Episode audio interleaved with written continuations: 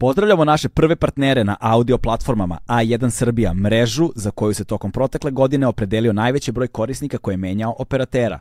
A1 ima najbolji odnos prenetih brojeva u i iz mreže, a time i rast broja korisnika prema ovoj kategoriji, blizu 10.000. Jasno nam je i zašto.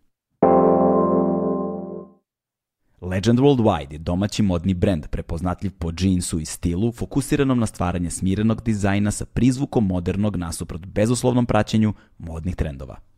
A sada a, želim da najavim svog sledećeg gosta. Posvećujemo još jednu epizodu aktuelnom a, ratu u Ukrajini, sukobu koji se dešava u Ukrajini. Ovoga puta naš gost je Reutersov novinar, čovek koji, čiju, koji je novinarsku karijeru počeo još 80. godina. Radio je za brojne medijske kuće, među kojima su i B92, radio je za Associated Press godinama, a, bio je na brojnim ratištima, što na podnu, podneblju Balkana, naravno. Pored toga je bio u Iraku, bio je u Afganistanu, bio je na mnogim na mnogim mestima i uh, go, živo iz jedno vreme u Ukrajini, govori ukrajinski, govori ruski jezik, tako da veoma dobro poznaje okolnosti, istoriju, istoriju ukrajinsko-ruskih odnosa i bio je um, u Ukrajini, odnosno bio je na Krimu u vreme kada je bila kriza tamo, bio je 2004. godine kada je bila naranđasta revolucija u Kijevu i bio je sada upravo uh, se vratio sa uh, i bio je u Mariupolju i bio je u Kijevu, tako da ima i sveže informacije o tome šta se zapravo dešava na terenu tamo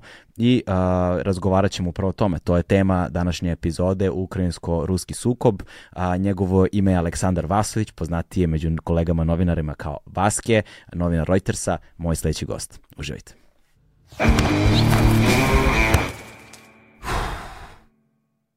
Hmm.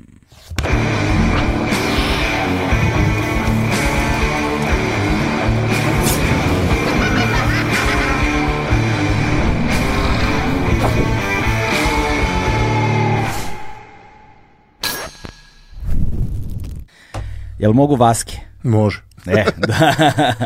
Vaske, dobrodošao. Bolje vas našao. Ovaj, a, već duže vreme ti se radujemo ovaj, i drago mi je pre svega da si dobro, ovaj, da si uspeo da se izvučeš iz celokupne situacije živ i zdrav, pošto situacija ne deluje nimalo ovaj, prijatno. I samo da kažemo ljudima, ti si stigao iz Kijeva pre koliko dana? Ja sam stigao iz Kijeva pre... Uh, uh, uh, uh. 5-6 dana sad? Nije, ima, ima više, ima 7-8 dana, ovaj, nego sam ono, malo legao bio od covida. A, da, da, da. Da, došao si pravo iz bunkera iz fasovo COVID. Da, otprilike, da. Sad kad ga više nema. Nadam se da, si, da, da su bili blagi simptomi to da nisi... A, ok, sve. Dobro, dobro, dobro. Ovaj, da počnemo odmah razgovor, pošto imamo zaista ogrom, o, ogromno polje moramo da pređemo i ogromne vremenske periode moramo da pređemo. Ovaj, da počnemo pre svega od, te, od tebe. Ti si, a, ti si Reutersov novinar. Jeste. Tako? Ovaj, svoju karijeru si počeo kada zapravo? O, svoju karijeru sam počeo 88. u Radio Beogradu, pa sam onda otišao u B92, ovaj, verovo ili ne, prvi radni dan bi bio 9. mart. 9. mar 91. Jeste. 9. mar 91. ti je bio Jeste. prvi radni dan. Jeste. Ovaj, Kako je to izgledalo, majke ti? o, Kako, kako je izgledalo to jutro? Čekaj, ti si dogovorio... Ja bože, ma nema ono, znači zvao me pokojni Zoran Mamula i ovaj, da dođem u radio i sad dogovorimo se mi, ajde kao ja nešto tu da radim. Zapravo sam otišao, bio sam nekoliko puta pre toga ja u radiju, međutim taj dan je kao trebalo da dođem da nešto montiram. Aha, Ovaj, ček, ček, samo se setim. Aha, a, trebalo je da radim priču o tome kako su se ovaj, o svađi između Srbija šuma Aha. i hrvatskih šuma oko nekog zemljišta tamo ovaj, u, oko, oko Dunava. I sad ja treba da dođem u radio da to montiram, ulazim u autobus, autobus nestaje kod doma, omladine staje dole u Georgea Washingtona i tamo ovaj, Vuk, Vuk Drašković i pored njega idu one žene u bundama, mislim, i onda dobro, posle, posle, posle već istorija. da. Ovaj, na 92 si provodiš koliko vremena? Dok nas nisu izbacili iz radija 99. kad je krenulo bombardovanje. Aha, aha, da, da, da. I onda sam potišao u, u Associated Press. Ovaj, Da, ovaj, ti, si, ti si zapravo a, u okviru BV 92 pokrivao ovaj, rat, ratna dešavanja koja su se... Pa radio sam sve, mislim, Da. radio sam sve kao i svi, ovaj, sve ono što je bilo 90-ih u Srbiji, promašio sam Sloveniju, radio sam Hrvatsku, Bosnu, Kosovo, uh -huh. posle sam za AP radio ovaj, bombardovanje, pa onda dole ono Preševsku dolinu, kopnenu zonu, Makedoniju, uh -huh pa onda Irak, odnosno Afganistan, pa Irak. To si sve radio za AP? Za, da, za, za AP, za, za AP. Za Associated Press. Uh, pa onda sam 2004. sam otišao u Ukrajinu, mm -hmm. tamo sam bio do 2007. Pa sam bio u Slovačkoj, pa sam se onda vratio u Srbiju, radio sam za Birn ovaj, dve godine ovaj, mm -hmm. kao jedan od urednika ovaj, i radio edukaciju. I onda sam u 2010. u Reutersu. Aha, dobro. Ajde sad da se vratimo malo unazad, dakle, uh, da počnemo, na primjer, pošto si za Associated Press radio 2003. u Iraku, pa si iste godine si bio u Irak i Afganistan, yes, da. da. Kako su ti bile iskustva Irak i Afganistan? Pa dobro, mislim, to je 2003. A, Afganistan, to je već dve godine staro, mislim. Mm. Tada je bilo razmerno mirno, tada su talibani bili negde tamo, uz, uglavnom uz pakistansku granicu i gore po, ovaj, po brdima, vijali su ih tu i tamo ovaj, po provincijama, u toku je bio lov na, na, na ovoga Bin Ladena, mm -hmm.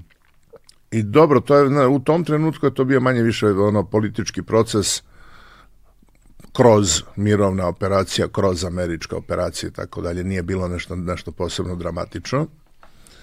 Ovaj, Irak je, uh, ja sam u Iraku bio u vreme kada je hvatan ovaj, Sadam mm -hmm. i kada je već počinjao, kada je već počinjalo ono, onaj, ono što bi se reklo insurgency, odnosno ustanak tamo ovaj, u tom sunitskom trouglu do Tikrit Fallujah Ramadi i tu je, tad je već, tad je već bivalo, počelo da biva gadno. Ovaj, e, i posle to je eskaliralo 2004. godine ona, mm. onako ozbiljno. E, šta ja znam meni je bilo meni, meni je to bilo ne znam priroda nastavak svega pre toga. Onako. Da. Kako izgleda rad na terenu u tim uslovima? Posle, ajde sad što su klimatski uslovi drugačiji i tako dalje, to je negde ovaj, nije, nije toliko velika tema, ali s druge strane, mislim, imam ja iskustva rada u drugim zemljama, ne na takvim pričama, naravno nekim daleko da, da, da. benignijim pričama, ali bez obzira kad postoji jezička barijera, ukoliko ne govoriš jezik, ti moraš sa sobom da imaš fiksera, uvek fiksera svakako moraš da imaš, ali fikser mora ujedno ti budi prevodilac. U tim situacijama to ume da bude malo zajebano. Kako se snalaziš za, kako si nalazio fiksere u to vreme? prevodioce, kako se, ste ih plaćali, kako je to Associated Press organizovao? Nisam, nisam ja nalazio ništa. Znači, to je, ovaj, to je radila kompanija, to je bio sistem. Mi smo, u, recimo, u Kabulu smo imali biro. Aha. U Kabulu su naravno radili Afganistanci, ovaj, naravno ljudi koji su znali i engleski i, ovaj, i pašto i dari i još poneki lokalni jezik. Ovaj, u Iraku mi nije trebalo jer sam bio u Embedu, odnosno bio sam pridružen četvrtoj pešadijskoj diviziji američkoj koja je bila u Tikritu, tako da sam ja na engleskom komunicirao. Da, da, tako da sam ja išao gde oni tudi ja. Mm -hmm. ovaj, kako, izgleda, kako izgleda kretanje sa njima onda? Pa to je vrlo regulisana stvar. Ovaj, ti, ti dobijaš jedinicu koju ćeš da budeš. Mm -hmm. ovaj, Ja sam bio u, u bataljonu kojem je komandao pot, ovaj, potpukovnik Steven Russell. Mm -hmm. I inače pre toga bio na Kosovu. Mm -hmm. Ovaj, I onda oni te vode u patrole, oni te vode u akcije, oni ti daju izjave, mislim ja pratim ono što rade oni. To je mhm. cilj, to je cilj embeda, dakle da se da. ima ta jedna strana pokrivena i sad ti naravno tu sad kompanija i ti kao takav preuzimaš određeni broj obaveza, odnosno da nećeš izaći iz logora bez dozvole, mm. ako izađeš iz logora bez dozvole, onda se embed prekida, da ne znam, nećeš javljati imena poginulih i ranjenih prema što se obaveste porodice. Da, da, da. Takve neke stvari. Ovaj. I naravno kada oni smatraju da tvoje prisustvo nije celishodno, oni neće da te vode. Da, da, jasno. jasno. Jel, jel se poznaš sa Goranom Tomaševićem? kako, da, kako da ne. Jeste se sretali na nekim... Njega, ja njega znam, o Bože, njega znam od 2000, od 98. godine, njega na Kosovu upoznao. Ovaj, pa on je tu, on je, on je, ovaj, on je, on je skoro je dolazio. Sraćao. Jeste, bio i kod nas Jeste. ovde, donosio nam je rakiju. Jeste, jeste. Dobra mu je rakija. Dobra, dobra, odlična rakija. Odlična zapravo. Odlična rakija, Da. da. Go, go, gošina.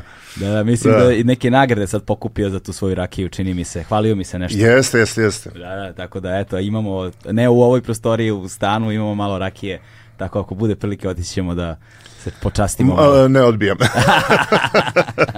E, hajde sad da se ovaj pozabavimo da se pozabavimo Ukrajinom. Ti u Ukrajinu dolaziš zapravo 2004. godine. Jeste. A, tad je u toku bila ova naranđasta revolucija. Ja sam došao pre nje. Mhm. Ja sam došao pre nje, e, odnosno pre tih izbora koji su prethodili ovaj, naranđastoj revoluciji. Tad si još uvijek radio za Associated Press, Jeste. tako. I oni su tebe poslali u koji ulozi tada? Tada sam bio ono što bi se zvalo senior korespondent, pošto nije postojao biro ovaj, u Kijevu kao takvom, nego je Mo- Moskva je bila ovaj, biro koji je bio nadležan. Ali sam imao, ali sam radio sa nekoliko ljudi tu iz Kijeva, ovaj, sa dvoje novinara, imali smo fotograf, dvoje, dva, ne boga mi, tri, trojicu fotografa i, i, i ovaj TV ekipu. I onda smo radili sve što je prethodilo tim izborima, same izbore i nakon toga, ovaj, nakon toga celu revoluciju i sve što je bilo posle toga. E, to sve treba da objasnimo zapravo i šta je naranđasta revolucija i šta je tu bio problem, i, ali da bismo mogli da razumemo ceo taj a, prostor a, problematike koji nastaje u to vreme, koji eskalira, jel te, i 2014. godinom i ovime što imamo danas na kraju, što je s ovim ratnim stanjem i agresijom, odnosno invazijom Rusije na, na, na Ukrajinu. Ti- ono, ono zbog čega smo se i našli bili i pri, u pripremnom razgovoru, jel te, a, je, je ta istorija, dakle, me, uzajamnog odnosa Rusije i Ukrajine koja nije nimalo jednostavna, nije počela juče, nije počela ni sa raspadom Sovjetskog saveza, kako Da. mnogi misle, Ovaj, nije počela ni za vreme drugog svjetskog rata. Nije. Počelo je mnogo, mnogo, mnogo, mnogo davno i a, da je zapravo kompleksnost a, ukrajinskih odnosa možda i jedna od najproblematičnijih i najturbulentnijih odnosa na području cele Evrope. U istoriji Evrope. Pare, ajde, mm, ne, znaš kako, gadno je davati takve ocene ako nisi istoričar. Da, da, jeste, istina, istina, ovaj, istina. Ne, ne- nemam ja prava da, Da, da, to da, da. kažem.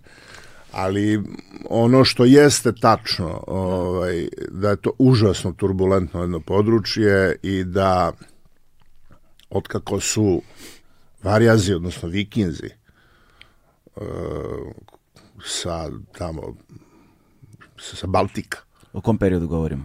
Govorimo o periodu tamo nešto e, 800, 700, 800 godina.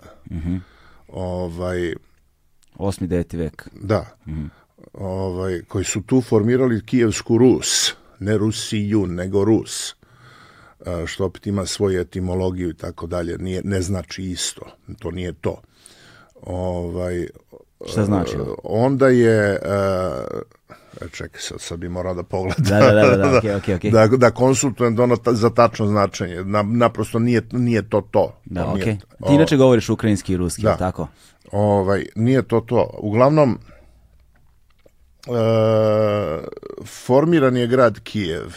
Formirana je Kijevska Rus. Kijevska Rus je postojala kao takva do ne znam nija 1200 i ne, ja mislim 1200 i neke godine, opet nemoj me držati za reč, e, kada, ovaj, kada su tu, pro, tu, tuda prošli Mongoli, onda je to sve uništeno. Onda m, ti imaš jedan period, ne znam, imaš Mongole, pa onda imaš Poljsko-Litvanski Commonwealth, odnosno Poljsko- Poljsko-Litvansku e, uniju, pa onda imaš e, Ukrajina koja je postala deo ovaj e, bože, Galičko Volinjske kneževine samo trenutak Da. moram da pogledam, ne vredi. Znaš, kad zaboraviš, ovaj, jasno, jasno. A i, a i, ovaj, a i, i ima i onaj uh, ko- COVID brain fog, znaš. Ima COVID brain fog, ovaj, dakle, dakle, evo, sve sam ja to pedantno zapisao. Znači, znači, e, Varjazi osvajaju Kijev 882. godine. Pa onda ovaj, kijevski knez Fjatoslav pokorava Vjatiče i razbija Hazarski kanat. Onda kijevski Rus ima procvat za vreme vladavine Jaroslava Mudrog, to je 1019. 1054. godina.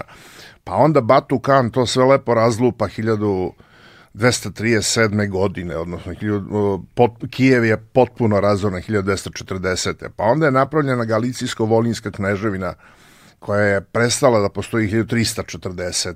Pa onda ima 14. vek, to ti je pod Jageloncima, po poljskom dinastijom, ti je, napravna, ti je ovaj, uh, litvansko-poljskom dinastijom ti, ti je napravljena velika knežina Litvanija, pa je onda napravljena Lublinska unija, pa Brestovska unija, pa e, onda kreću ovaj onda onda ti je onda ti se raspada zlatna horda krajem ovaj 14. veka i onda nastaju onda onda ovaj u Zaporožju se formira prva Zaporoška sič. Pa onda imaš sve seljačke moguće pobune tokom nekih 40-50 godina. Pa ne znam, onda imaš ovaj rusko-poljski rat. Sve to ide preko Ukrajine. Pa onda imaš savezništvo Ivana Mazepe koji pokušava da, koji se sajuzio bio sa švedskim kraljem Karlom ovaj Karlom 12. To je vreme, to je to je bitka kod Poltave. Pa onda potpunu ovaj autonomiju hetmanske države suštinski ukrajinske, odnosno tog područja, ukida ovaj Katarina Velika i onda kada je došlo do podele Poljske, sad dolazimo već u neka ono, istorijski modernija vremena, U kom periodu govorimo? eh, govorimo o, osam, o 1772. Mhm, okej. Eh, kada Habsburška, monarhija dobija Galiciju i tri godine posle toga dobija Bukovinu. I onda imamo i drugu podelu Poljske, to je bilo 1793. Kada ovaj, i preostali taj poljski deo Ukrajine nekadašnji dolazi ovaj, pod vlast ruskog cara. Sad, ti ako pogledaš mape iz tog vremena ćeš vidjeti da je Poljska, Poljska malte ne bila do Kijeva. Ono, ne, ne, nešto ispod Žitomira. Ovaj, e sad, zanimljiv, sad ide zanimljiv period, to je 19. vek.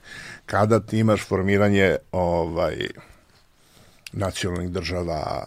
To je zapravo i- nakon buržo- buržoaske revolucije. i da, i to buđenje nacionalnih sentimenata u Evropi. Ti sada imaš ovaj Čirilometodsko bratstvo u Ukrajini koje je prvo kulturni pokret, pa onda politički pokret. I imaš jedan taj procvat nekog tog ukrajinstva ovaj koga je promovisao Tara Ševčenko, slikar, poeta i tako dalje. I imaš carsku represiju. Carska e, pod, ovaj, carska represija je recimo uključivala i to da si ti zagovaranje, pisanje i tako dalje na ukrajinskom jeziku išao u katorgu u Sibir. A1 je prvi prijatelj audio izdanja Agelast podcasta.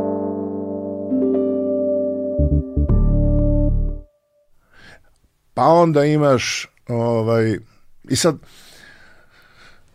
kada, kada su već bili deo takvog jednog ruskog carstva, ovaj, Ukrajinci su se su u njemu učestvovali. U smislu da su oni naprosto živeli u njemu, pa su sad neki ukrajinski e, ne znam, umetnici, pisci i tako dalje se potpuno stvarili kao deo nekog ruskog kulturnog prostora, drugi pak ne, drugi su insistirali na tome da da oni budu deo nekog opet ukrajinskog kulturnog prostora. Um, ne znam, ceo jedan jedan, jedan jako veliki broj što političara, što generala, što e, naučnika i tako dalje jesu poreklom Ukrajinci, odnosno iz Ukrajine. E, onda imaš, onda ti, do, onda ti dolazi prvi svetski rat i onda imaš uh, formiranje jedne nezavisne ukrajinske države 1917. pa onda imaš formiranje druge nezavisne ukrajinske države 1918. pa onda imaš njihovo, njihovo ujedinjenje, pa onda imaš uh, sve ono što se dešavalo tokom ovaj, uh, oktobarske revolucije, odnosno građanskog rata u Rusiji i na kraju dobijaš ono što se docinje zvalo sovjetska, sovjetska Ukrajina. I sa ta sovjetska Ukrajina je u nekom trenutku bila deo tog mladog novog Sovjetskog saveza koji se najbrže razvijao, međutim onda dolazi do kao i do kao i do svega ovaj, što je radio, što je radio ovaj, Visarionović, Stalin dolazi do jednog talasa uh, pogrešnih odluka, uh, diktatorskih odluka, kako god. Rezultat je ono što se što se doci, što je doci nazvano gladomor. Mm -hmm. A objasni samo taj gladomor, molim. A, a da bi se prehranili industrijski regioni vrlo vrlo vrlo simplifikujem da ne bi da ne bi ovaj da ne gubimo vreme. Znači da bi se prehranili industrijski regioni Stalin naređuje da se podigne kvota onoga što moraju kolhozi da da da da da da, da isporuče. Ko? Kolhozi.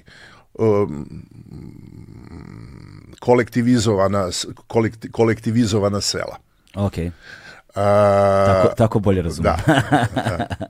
ovaj, dakle, kolektivizovana sela su morala da isporuče neku količinu hrane, odnosno žita. Ta količina hrane, odnosno žita je, je e, podignuta i do 40%. Sad to je dolaze, onda je dolazilo do absurda da su da su lokalni partijski rukovodioci, rukovodioci i da je lokalni NKVD su se utrkivali u tome ko će više da zapleni. Pa je onda dolazilo do paradoksa da um, po selu umiru od gladi, mm -hmm. a da žito koje je stavljeno na trg na, u centru sela truna jer nemaju načina da ga odvezu. Ali ga su ga svejedno čuvali naoružani stražari. Znaš, pa je onda tu bilo strašnih stvari ovaj, da su tokom gladomora ovaj, je zabeleženo, dokumentovani su slučajevi kanibalizma. Ne, ne mnogo, ali su dokumentovani. 5 do 8 miliona ljudi je procena istoričara umrlo tokom gladomora u mm. celoj sovjetskoj Rusiji, odnosno u, tom, u toj žitnici ovaj, mm. sovjetskoj, a otprilike oko nešto, nešto preko 3 miliona u samoj Ukrajini. Mislim, sad ti podaci nisu tačni, jednostavno niko ih nije dokumentovao. Da, da, da, da, da. Ali on nisu ne, ne, nisu tačni, daleko toga nisu kompletni. Da, jel to, jel to možemo smatramo jednim od najvećih možda neoružanih genocida? Uh, Ukrajina tvrdi da je to genocid. Uh, mislim da je čak i priznato da je, da je, da je genocid, mora bi zaista da proverimo. Ovaj, mhm. ali je Mislim namera je tu važna. Ali je jedna da, ali je jedan jedan ali je ali je gladomor ovaj jedna od najvećih administrativno indukovanih gladi na svetu. Mm, da. Mislim, bivalo je toga posle u istoriji još i pre toga, naravno, ali ovo je bilo, ovo je bilo baš drastično. I onda imaš drugi svetski rat, kada zbog eto, eto očiglednih razloga jedan deo ovaj, ukrajinske populacije e, doživljava Nemce kao slobodioce, drugi deo veći deo, mnogo veći deo ukrajinske populacije herojski gine u borbi sa Nemcima i odupire se Nemcima i sve snage. A onda imaš formiranje takozvane ovaj, ukrajinske ustaničke armije, UPA, mm -hmm. ovaj, pod vojstvom Stepana Bandere i sad oni su se tukli i sa, i sa Nemcima i sa Sovjetima, pa, paktirali sa Nemcima, imaš taj fenomen formiranja ISS divizije Galičina u Ukrajini.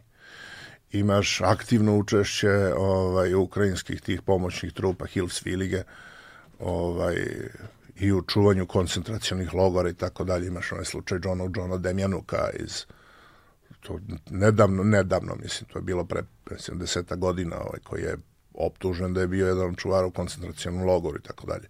Znači, opet opet se vraćamo prilično turbulentno, prilično mm. turbulentno čak i u vreme turbulentnog drugog svetskog rata. Da, e sad, ali volio bi da se zadržava malo na tom kolaboracionističkom elementu ovaj, i na formiranju tih jedinica, a, zato što um, nekako a, stavljanje akcenta, akcenta sada na, na, na taj kolaboracionistički kao nacistički aspekt a, tih ukra, tog ukrajinskog dela populacije ovaj, a, je dosta dominantan u trenutnom, u, u trenutnom kreiranju propagandne slike onoga što se dešava u toku ovog rata. Ovaj, ali ta vrsta saradnje sa Nemcima, posebno u tim e, oblastima, nije bila toliko redka zapravo. Mi viđali smo je i, sa, i na drugim mestima. Pa nije bila, mislim, ti imaš, imaš kolaboraciju po celoj Evropi, za Boga, da. mislim, imaš, imaš SS diviziju iz Francuske, imaš SS diviziju iz nordijskih zemalja, imaš, ne znam, imaš a, ovu Rusku oslobodilačku armiju generala Vlasova, mm -hmm. imaš a, Kozačku diviziju, SS Kozačku diviziju generala von Panvica, mm -hmm. imaš te ovaj, bele Ruse ovde u Srbiji koji su aktivno sarađivali sa Nemcima ovaj, tokom drugog svetskog rata koji su ovde radili umesto Nem, Nemce menjali u posadnoj službi mm -hmm. ovaj, po Srbiji. E, ne znam, po ukrajnjoj liniji imaš celu, celu NDH, pa imaš e, Milana Nedića, Dimitrija Ljotića, pa ne znam šta god, pazi, imaš dva režima u Rumuniji i Mađarskoj da. koji su bili koji su bili kvisniški, imaš ceo jedan režim Jozefa Tisova mm. u, u, u, u, Slo, u Čehoslovačkoj, odnosno Slovačkoj, pardon. Da. Ovaj, koji je bio kvisnički, znači nisu oni unikum. Mm. Toga je bilo. Ono što je jako bitno jeste da je ogromna, ogromna, ogromna, ogromna većina Ukrajinaca učestvovala u redovima crvene armije, da su terali do Berlina, da su herojski izginuli tu kući sa nacistima. Da. da. E sada, I da je ta tradicija, uzre budi rečeno, jako, jako, jako i dalje jako prisutna u Ukrajini. Oni jako paze do toga da su njihovi dedovi išli do Berlina i da se borili sa faš, ovaj, protiv fašista. Dakle, da je snažan duh antifašističke borbe zapravo. Jeste, i dalje, da. i dalje. Mislim, naravno da je 2000 tih, odnosno posle nezavisnosti i tako dalje, kada je ceo taj e, sovjetski represivni sistem odjednom odjednom ga nije bilo, odjednom su svi mogli da kažu ono šta hoće, mm -hmm. ovaj, da naravno da je krenula rehabilitacija ovaj, raznih, kao što se i ovde rehabilituju razni, tako su i tamo rehabilitovani razni. Da. Da. Ove, e sada, tu je možda dobro mesto da se dodirnemo malo i tačke e, problematike tog ukrajinskog identiteta, jer mi kad govorimo o svim tim turbulentnim periodima koji su se tu dešavali, o svim narodima koji su se nalazili na tom podneblju, koji se nalazi dalje na tom podneblju, ovaj, mi zapravo govorimo o jednom veoma šarlanolikom spektru koji možda izmiče ljudima upravo pod pritiskom te vrste propagande.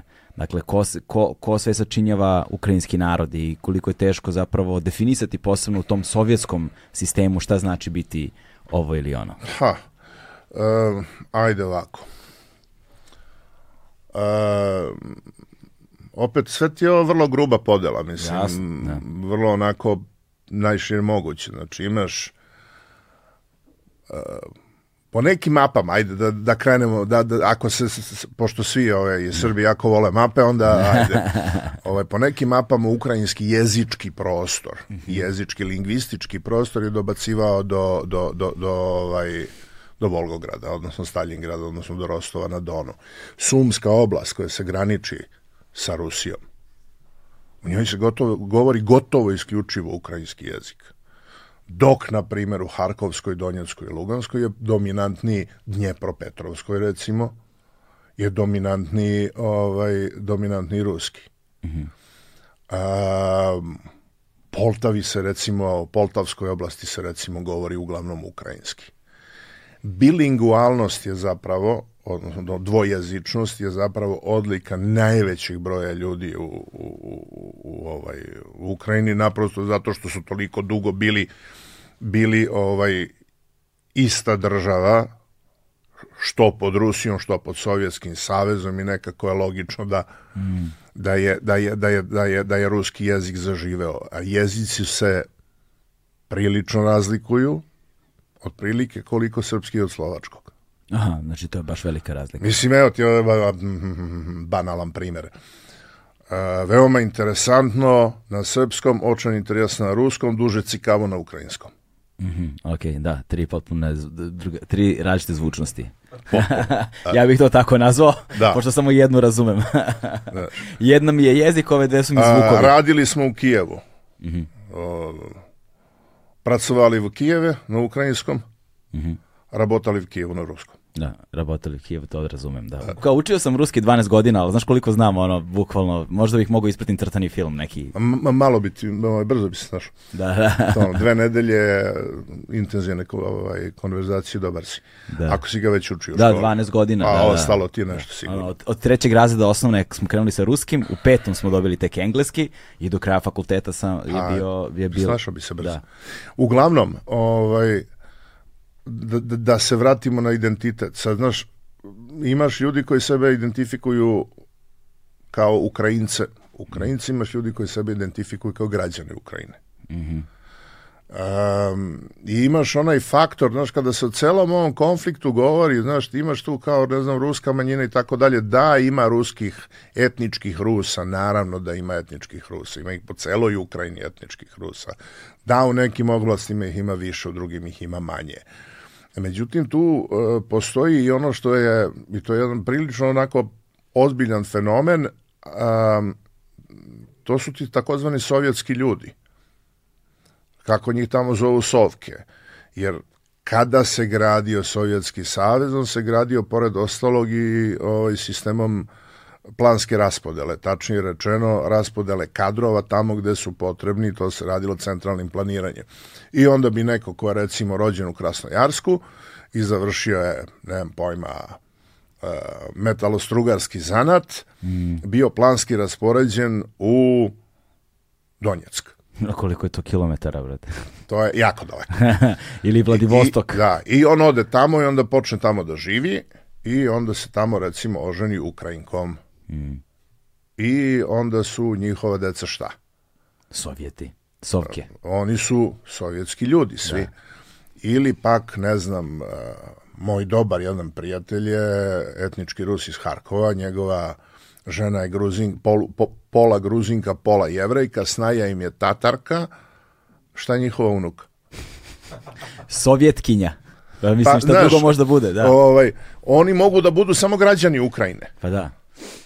E sada, ovaj, taj fenomen jezika, taj fenomen jezika je počeo da biva mnogo prisutniji no što je bio ovaj, nakon raspada Sovjetskog saveza, nakon nezavisnosti Ukrajine i tako dalje. E,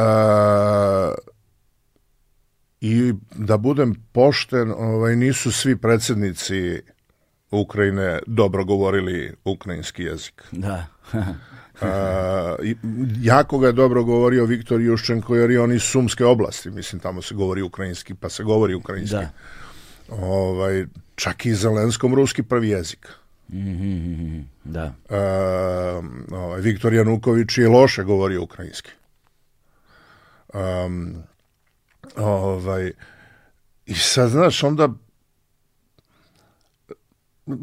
imaš ovaj kako bih ti rekao imaš ima, ima, imaš imaš taj taj neki deo ovaj određivanja nacionalnog određivanja prema tome koji jezik govoriš. Mhm. Mm mislim što je onako ovde ovde nije ovde čak mislim da više nije u pitanju ni to. Ovde opet da se vratim na ono isto oni su oni su građani Ukrajine. No, da, ovo sam hteo, ovaj mm -hmm. malo ono covid fog. Da, da, da, da. Ovaj um,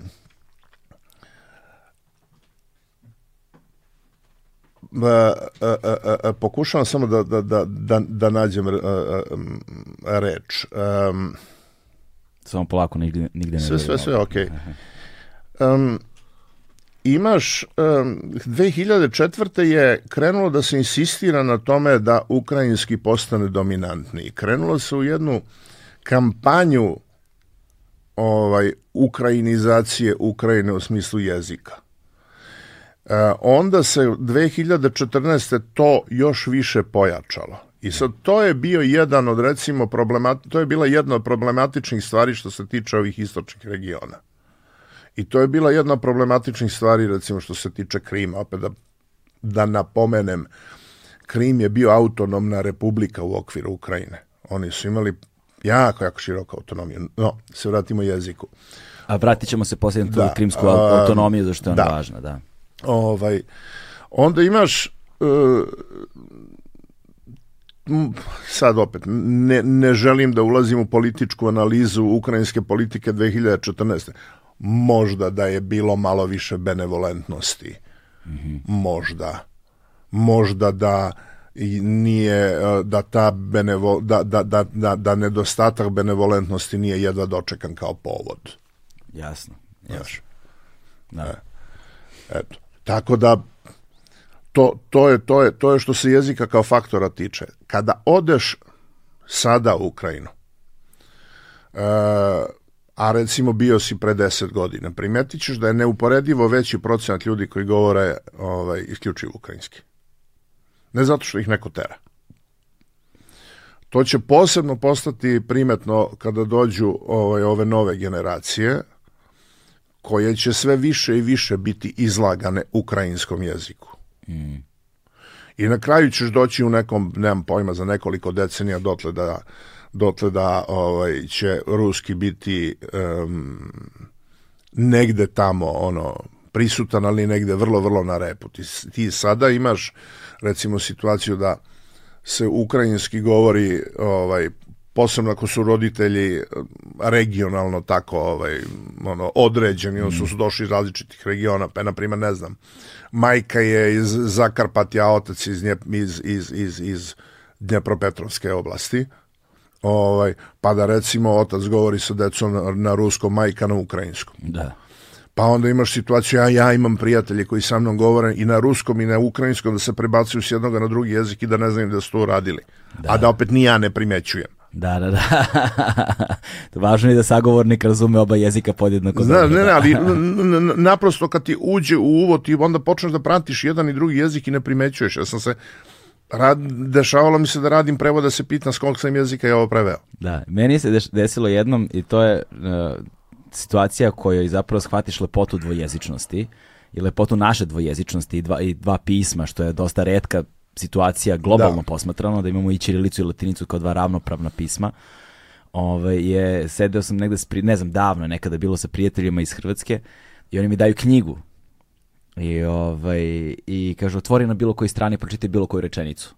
Ja otvorim i pročitam i kažu, zatvori knjigu, ja zatvorim i kaže, vrati nam knjigu, ja vratim knjigu, kažem šta je bilo, kaže, na kom je jeziku bila napisana ja nisam imao pojma.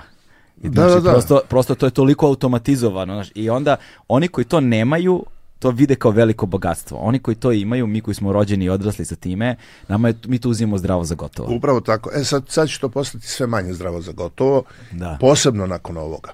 Mm. Posebno nakon svega ovoga.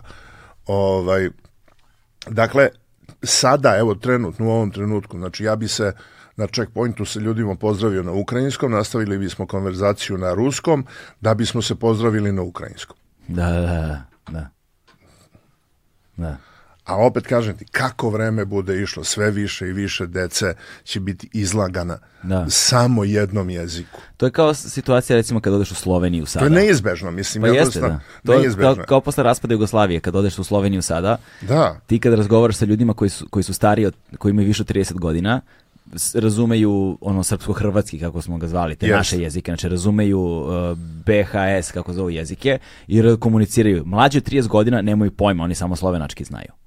Da, da, da. To je to, prosto i ti tu imaš ono odmah čak me unutar jedne generacije samo ko, zavisi ko je kad u školu krenuo, upravo imaš tako. ogroman generacijski jaz. Upravo tako, upravo tako. E sad kao, kulturno šta će to da znači? Pa to će da znači stvarno ovaj na stranu uh, uh, uh, sve podele koje će između Rusije i Ukrajine uslediti kad se ovaj rat završi. Na, Na stranu što je rat najveća, jel te, ovaj, Da, podela, onako ra, rasce, veliki kanjon. da. Ovaj, doći će i ovo. Da. Doći će i ta kulturna podela. Jer do, doći će na ono ogroman zaokret Ukrajine u potpuno drugom pravcu. Da, da, da. I određivanje Ukrajine kao ne Rusije, ono u tom kontekstu. Da, da, da, jer da, ono, da, ako, je, ako je Putin nešto ovim ratom postigao, postigao je da će ovome ono, generacije i generacije dece i dece ljudi koji sad žive govoriti i da će to biti jedina tačka podele, verovatno, kao što se u mnogim spornim regionima, ono ne spornim, nego prosto burnim regionima A dešava. znaš kako, posle ovako nasilnog rata, Mm. ovaj, za koga i dalje ne znamo kada, kada će se završiti na koji način. Ja ne vidim da se odnosi mogu peglati tako brzo. Da, nema šanse. Znaš, ovaj, posebno zbog toga što, posebno nakon odluke Međunarodnog suda pravde od juče, da je Rusi naređeno da prekine o, invaziju. E, To su sve stvari znaš, koje će uticati na generacije, generacije, generacije. To nije koliko je godina trebalo da protekne ovaj ovde kod nas da bi ljudi počeli da komuniciraju a veze su bile mnogo bliže Da, i da ne znam recimo putuju i tako dalje i to i dalje nije bilo nije kao što je bilo nije, da. a koliko je prošlo E sada, ovaj, da se vratimo i malo na, u trenutak kada ti odlaziš, došli smo do tačke kada ti odlaziš u Ukrajinu Jeste, u 2000, 2004. godine.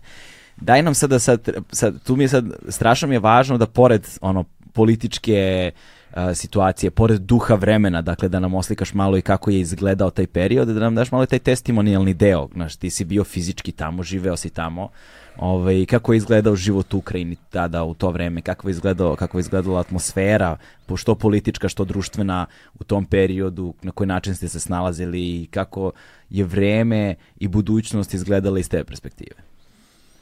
Pa znaš kako, kada smo došli, ono što je, ono što je e, š- pro- meni profesionalno divno, o, što, što, što se tog dela sveta tiče, jer meni, meni adaptacija nije potrebna.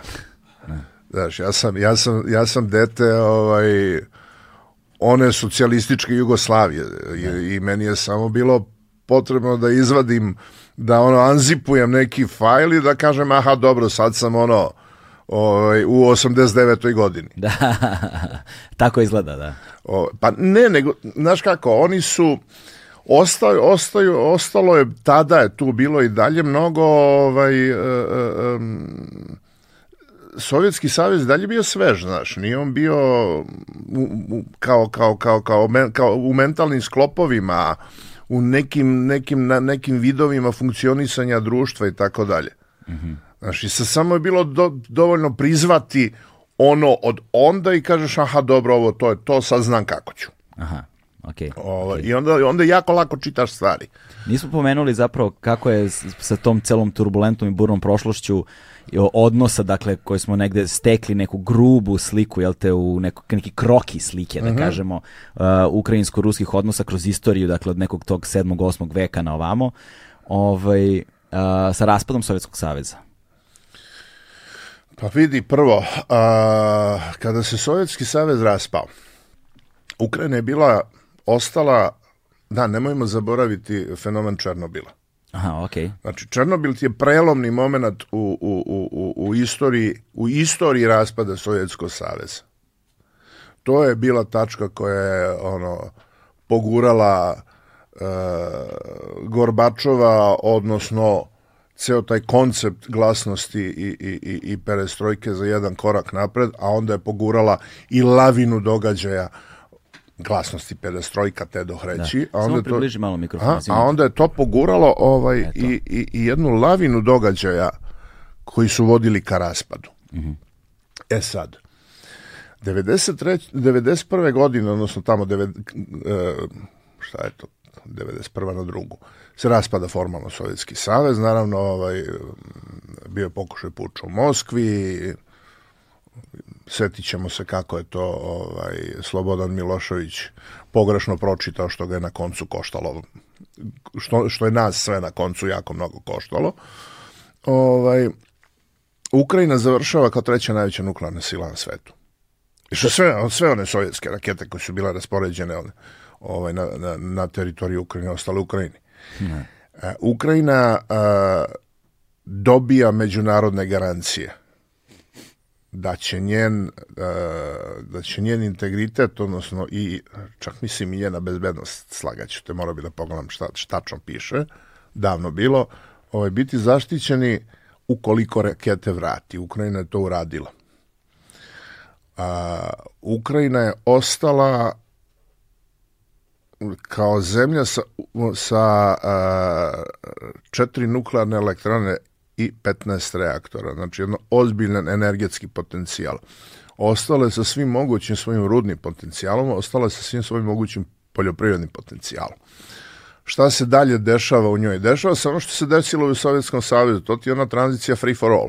Mm. Ko je mogo, taj je grabio i taj je privatizovao i taj je pravio pare. Dešava se tajkunizacija zemlje. I to je nešto što će obeležiti i što obeležava ukrajinsku politiku do današnjeg dana. Ovaj, I onda imaš recimo, onda ti na vlast posle Leonida Kravčuka dolazi ovaj, Leoni, Le, Leonid Danjilović Kučma, koji kao jedan komunistički direktor iz sovjetskog vremena kao bivši partijski rukovodilac i tako dalje jako dobro jako dobro razume kako treba raditi ovaj sa tadašnjom Rusijom i ovaj kako on vidi poziciju Ukrajine u tom nekom odnosu snaga u tom vremenu, u tom vremenu. Mm. Međutim ono što se dešavalo nakon toga jeste da je da ga je vreme gazilo, znaš. Nemoj zaboraviti, 2004. godine ovaj, Evropska unija prima nove članice.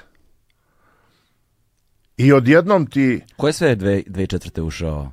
E, Mađarska, Rumunija, Slovačka, Češka, Litvanija, Letonija, Estonija, valjda, ne znam, da. možemo pogledamo. Da, da. da i, I sve, Google sve zna.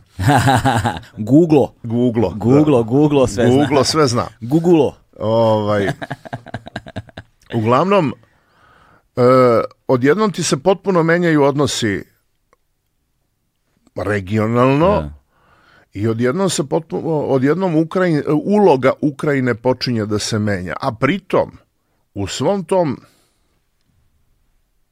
previranju nakon nakon pada Sovjetskog saveza u vreme kada svi traže svoje mesto, kada i NATO traži svoje mesto, kada i Sjedinjene države traže svoje mesto, kada e, Evropska unija, odnosno Evropska zajednica, docenja Evropska unija traži svoje mesto, kad pokušavaju da se neko odre, kada Rusija traži svoje mesto i tako dalje, svi previđaju Ukrajinu. Da. Svi previđaju da tu postoji jedna ogromna zemljetina, ono najveće u Evropi. Posle Rusije Iza Rusije, da. da. Ono, najveća iza evropske Rusije, ajde. Da, da, da. O, do Urala. Mm. Ovaj, e, sa 40 i kusur miliona stanovnika i sad niko nije, niko nije najsigurniji šta bi s njom. Sa 15 nuklearnih reaktora. Sa 15 nuklearnih reaktora sa tolikim industrijskim poljoprivrednim potencijalom. Oni su koji, koji po redu izvoznici žita uslagaću te, da li, da li treći, na primjer, ili možda čak i peti, ali uglavnom... Na svetu. Na svetu, na da. Svetu. Šta će pa, se desiti sa žitom sada? Pa računaj na, računaj na otprilike, valjda, ako, sam, ako, ako se dobro sećam, da valjda kilo i 200 grama ovaj, od, svakog, od, od svaki 10 kila žita, odnosno brašna, mm -hmm. je napravljeno od ukrajinskog žita. Pa sad ti vidi. Ovaj, uglavnom e, de, e, dešava se to znaš, da, da svi previ, nekako previđaju tu Ukrajinu mm. i onda se dešavaju ti izbori 2004. godine koji su prilično bili vođeni ovaj, u maniru onih u Srbiji recimo 97. 8. ako se sećaš Bio sam klinac, da. se studentskih protesta, e, pa smo, ja sam imao to, e, ono, pa pet, to 15 godina sam e. imao, pa sam bio dole, da. Ovaj, kada je, što rekao jedan od bivših političara, koza svu noć čuvala kupus i tako dalje. Ovaj, I onda kreće ono što se moglo videti iz iz aviona da će da, da je to uvod u proteste, da je, to, da, da, da je to uvod u neku promenu. Mm -hmm. Ti si, ti si tada bio tamo? Ja sam tada bio tamo. Kako je to da. izgledalo? To je bilo, je vidi, to je bilo, evo, 11. novembar uveče. Počeli su protesti u Bankovoj. Mm -hmm. Ulici, Bankova ulica. Bankova ulica, jeste. To ti je ulica koja, koja prolazi pored predsjedničke, uh, pored predsjedništva. Mm -hmm. Ajde. Da. Čuvene kuće Himera Ovaj, to je kao, kao pionirski park kod nas, recimo. Pa to je recimo kao pionirski park, mm. samo što je to jedna prilično uska ulica, onako, i tu su bili poprečeni kamioni ovaj, sa šljunkom i policija štitovima i demonstranti s jedne strane, to je bilo, nije bilo pretjerano nasilno, cela ta revolucija nije bila pretjerano nasilna.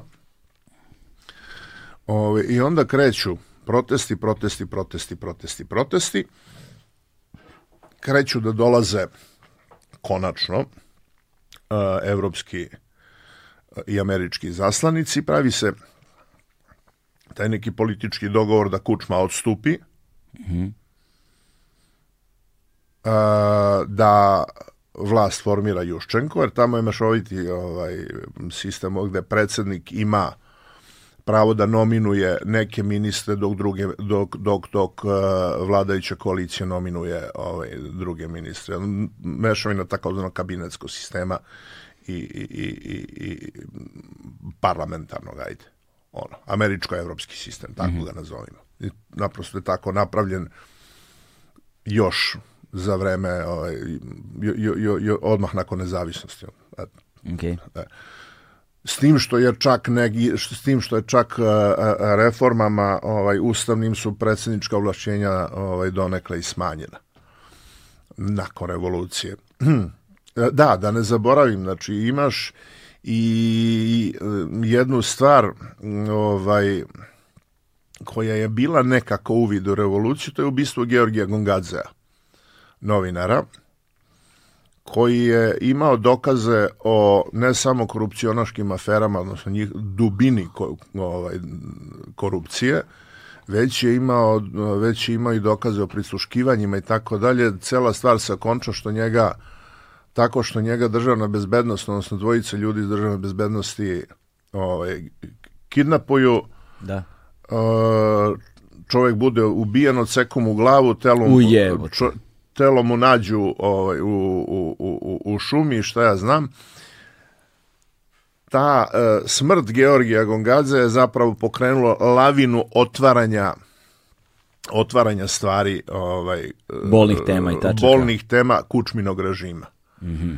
I to je bilo nešto što je zapravo presudilo. Ja kad sam došao, znači, i dalje su te gongadze, ovaj, gongadzeove trake, odnosno Meljničenko trake, takozvane, bile, bile jako važne i slušale se i analizirale se sve, to je bilo, a par godina je prošlo od tada. Mm -hmm. To je recimo kao kad bi, ne znam, nija, a, a, a, a, slučaj Ćuruvija ovaj, imao otprilike dovoljnu snagu da recimo ima ima efekta i na sadašnju vlast. Eto, pravim ti neku paralelu. Jasno, jasno, jasno. Dobro. I ti, ti ta, tamo taj, taj... I sa pazi, ta revolucija je ovaj to je ta narandžasta revolucija. To je narandžasta revolucija. Zašto? Zato što je ono naprosto brendirana je bila, bila narandžastom bojom. Aha. Ovaj e, Juščenko je bio guverner Narodne banke bio je razmerno popularan, onako lep čovjek, žena ga volela. Ko Tadića svoje vremena. Od tri... Ajde, da. to je više bila fora. Dok, ovaj, e, I negde tokom protesta on biva otrovan. -hmm. On biva otrovan i to tako što su mu sipali dioksin u sup od, rak, od, od, od, od rakova, a bio je na večeri kod uh, sad kako se zvao čovek, recimo da je bio pomoćnik da je bio pomoćnik direktora ovaj, službe bezbednosti. Setit ću se. Davno bilo. Jedva preživi to trovanje. Ovaj, da, on je kraj protesta dočekao sa ovaj, ugrađenom kanilom o, u Kičmenu, Moždinu, ono, ili već u ne znam nija gde, Ja ne znam šta je kanila. Cevčica, Aha, okej. kroz koju je primao anestetike. Aha, okej. ono, sistemsko trovanje, dioksin je nenormalno otvar, otrovna stvar. Uglavnom, meno ga preživi i ceo taj period njegove vlasti je zapravo obeležilo jedno naglo padanje rejtinga. Znači, njegovi rejtingi su strmoglavo padali. Nije uspeo da se izbori sa korupcijom, nije uspeo da se izbori sa tajkunima, a, politički prijatelji su bili ljudi koji su bili iz tog miljeja e, i to je, to je dovelo do gubitka vlasti, do dolaska na vlast Viktora Janukovića. Ko dolazi formalno na vlast? Uf, koji su to izbori bili? Mislim da je 2011. na primjer. Mora bi da pogledam, ili 10. Okej. Ovaj, 2000, u, kako vreme leti. ovaj, e, Januković je čovek koji je bio imao, imao je o, zanimljivu biografiju. Ovaj, bio je malo, maloletni delinkvent. Onda se uspinjao nekako kroz, kroz, kroz, kroz, kroz hijerarhiju. Ovaj, Kako maloletni delikventi obično uspevaju. Pa to ti je bilo, znaš, sovjetsko vreme. Ovaj, e, mogao si se ti uspeti u, u, u- popeti u, u, u, u sistemu ako si imao koga da te gura. Njega je gurao, ja mislim, nekakav bivši kosmonaut. Kosmonauti su onda bili onako ovaj, jako ozbiljni i veoma prihvaćeni ljudi mm -hmm. i uticajni. Bilo kako bilo, ovaj, on je bio proponent oslanjanja Ukrajine na Rusiju. Mm -hmm. Iako ga recimo ovaj, e, Putin nije trpeo. Aha, nije. Imao je, ne, tu je postoje neki lični animozitet, to se videlo e, 2000 1944. godine 9. maj se slavi i bude parada ovaj, u Kijevu i sad tu prisustuje Putin. Baš 9. maja? Da, 9. maja 2004. Da, velika da, parada u da, da, Kijevu. Znači, znači, ču, mislim... To je grad heroj i tako dalje. I Putin dođe i sastoje Putin, Januković, Kučma, ide parada, generali koji salutiraju, onim džipovima, onako prolaze, ne znam, marširaju vojnici i tako dalje. Januković koji jede semenke i koji nudi semenke Putinu. I Putin koja... Za one koji samo slušaju, uh, gadljivo rukom kaže po, Gadi, skloni, ga, gadi, skloni to od mene. gadljivo rukom kaže skloni to od mene. Da, da, da, da. Nikada taka, taj odnos e, nije bio, kako bih ti rekao, nik, nije se nikada videlo da je taj odnos bio nešto bolji. Da, da. Govorim ti o nekom ličnom nivou kako sam ga ja doživeo. Da, da. Politički da, politički je ovaj Januković je pokušao da mm, igra na kartu evropeizacije Ukrajine pod određenim uslovima, pa onda i verovatno i, i zbog pritiska Moskve i zbog ovaj ponuda koje se ne daju odbiti, jel tako, ovaj odlučio Samo odlučio sad ide supro- telefon sa strane, skreće mi pažnju, sve, s, s, s- A, izvini, notifikacije Da, da, da, stižu da. non stop. Da, da, Samo ovaj, svetli, da, da. evo. A, a, a pamet mi je tu. Da, da, da, da. da. da, ovaj, e, i, dešava se dešava se to da se Ukrajina iz pozicije zemlje koja može da krene u proces normalizacije odnosa, odnosno ubrzavanja evropskih integracija, malte ne preko noći odluči da to, da to ne uradi. Da, to je sad vrlo važno. Da. Zadržao bih se malo na tom trenutku, uh, jer, jer je to negde zapravo bila inicijalna kapisla koja To je proizvela... okidač, to je okidač za Majdan. Tako, to je okidač za Majdan. Pa samo ga objasni malo bliže, Pa, molim. Ukrajina je imala e, priliku da u trenutku, da u tom trenutku ovaj, e, otvori proces stabilizacije asocijacije. Od, e, Januković dogovori jedno, onda odluči drugo. Ali važno je, mislim da se razume da u otvaranju procesa uh, stabilizacije zapravo To nije nešto se dešava preko noći. Ne, to znači, je jedan jako dugačak proces i tako dalje. Međutim, to je Sad do, dolazimo... Znači, ovo je otvaranje pregovora o početku... Ovo je otvaranje pregovora o početku pismo namerama. To, pismo namerama da. otvaranja potencijalnog odnosa koji će da traje ono milion godina. Evo, mi hoćemo to da uradimo i vi, vi kažete da je super to što mi hoćemo da uradimo i mi ulazimo onda u proces polako dogovaranja nekih stvari. Znači, sam začetak nečega što će da, što bi trajalo jako dugo. To je, to je, to je neko, to, ajde da ga nazovemo građansko društvo ili evro, e, evropejsko društvo u Ukrajini bi veoma pozdravilo. Međutim, odustajanje od toga, naravno da je tu ovaj, Moskva imala i svog uticaja, je mm, dovelo do toga da je Mustafa Najem, jedan novinar, da, da, da, da je pozvao ljude da izađu da protestuju. I onda je krenulo. On je Tatar, šta je? Ne? On je, ja ne znam da je šta je on, Tatar li je. To, on, to je onaj što je zapravo napravio Facebook post koji je počeo da okuplja prvobitne jest, ljube. Da, jest, da. jest. E, I to je bio okidač Majdana. Hmm. A, kako je Majdan eskalirao, znaš, kada stvari eskaliraju, onda se zahtevi od osnovnih podižu, umnožavaju i tako dalje, ovaj, nikad to ne može da bude isto onako kao što je počelo i uglavnom je kraj mnogo snažniji od početka, mm. ovaj, što se što se tiče političkih, ovaj političkih zahteva i ishoda cele stvari tiče. E, ishod je taj da, da, da ti imaš onu pucnjavu u, u, u institutskoj ulici, to je ulica koja se penje uzbrdo od Majdana nezaležnosti, odnosno trga nezavisnosti. Jesi ti bio tamo? tamo? E, ne, ja sam, promašio, ja sam promašio Majdan, ja sam došao taman za Krim. Aha, ok, pričat ćemo taman.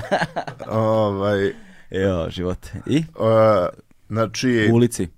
Došlo do te pucnjave u, u, u institutskoj ulici, gde je izginulo ne znam nija koliko ljudi, to opet proizvodi, znači svaka akcija ima upravno jednaku reakciju, to onda proizvodi osipanje sistema, da, osipanje sistema ovaj, Janukovićove vlasti, ljudi počinju da mu beže. Mm -hmm. Na kraju i on pobegne. Da, ima taj snimak kad odlazi u helikopteru avion, što već u sred noći. Ovaj, I onda počinje ceo ovaj uh, niz događaja koji vode do uh, jutro, ne znam šta se desilo, opet su lupili po Kijevu. Mm -hmm. Ovaj, na koji način zapravo, hajde, moramo da sad prođemo, to nam je sad ključ, ključni deo, znači moramo da prođemo sad genezu svega toga, ovaj, na koji način Majdan evo, evoluira u ovo što imamo danas, kako to izgleda sa strane Putina koji posmatra situaciju koja se ovaj, odmotava, ovaj, kao da čeka ono zeleno svetlo, odnosno neki povod s kojim bi mogao da krene i da objasnio malo nektiranje Krima, delte. Ovaj, pa znaš šta... I ti ja, si bio tamo da, da, da, da ja verujem, kako to izgledalo u tom... Ta, ta, ja tamo. verujem uh, da je ovaj, Rusija, odnosno su planeri u Rusiji vrlo dobro znali šta mogu da očekuju od Majdana, uh mhm. -huh. odnosno kakav će ishod da bude i da su se onda, jel te, adekvatno pripremali. Da. To je, to je ovaj, pod jedan. Pod dva, što se Vladimira Vladimirovića Putina tiče e, on od nekog trenutka sredinom 2000-ih. Ja sam njega video na Krimu 2004. godine. Sedeli smo, bili smo u istoj prostoriji ovaj, kad sam sastavio sa Kučmom i onda smo slušali dobri pola sata tu neku njihovu uvodnu razmenu. Ovaj, to nije bio isti čovek iz 2004. godine, on već, on već 2014. nije bio isti čovjek, naravno. Šta to znači? Pa znaš kako, mislim, kad ti, čovjek je na vlasti toliko, toliko dugo. Mm. I, onda, I onda počinje da ti se menja vizura. Mm. Um, on je predsednik, on je neko ko donosi konačnu odluku, on je neko ko se bavi i to ti u principu svuda tako, nije tu Rusija unikum ovaj, on se bavi donošenjem te jedne konačne najviše odluke i tako dalje. Dok, dok za razliku od njega je premijer neko, neko ko se nosi sa stvarima na dnevnom nivou i on zna koliko čega ima i u kasi i koliko čega ima i u skladištu i ne znam ono... Misliš da Putin to ne zna? Pa Putin dobija informaciju, Da. ali znaš kakvu informaciju dobio? Ne znam. Da. Ne, ne znam, naprosto nisam tamo, ne mogu, ne mogu ni da, ni da, ni da, ni da nemam ni primisao ovaj, kako, kako funkcioniše sistem donošenja odluka. Ko njemu donosi papir, na, šta stoji na papiru, ko papir, ko papir piše ujutru na osnovu analiza koje su prikupljene od prethodnog dana, pa ko pravi te analize na osnovu koji podataka i tako dalje. Znači sve se, sve se svodi na taj jedan papir, a četiri formata koje će on uzme ujutro da pročite. Kaže, aha, dobro, danas ću da uradim ovo, zato, zato i zato. Da. Znaš, ono. Ovaj, I da, on je...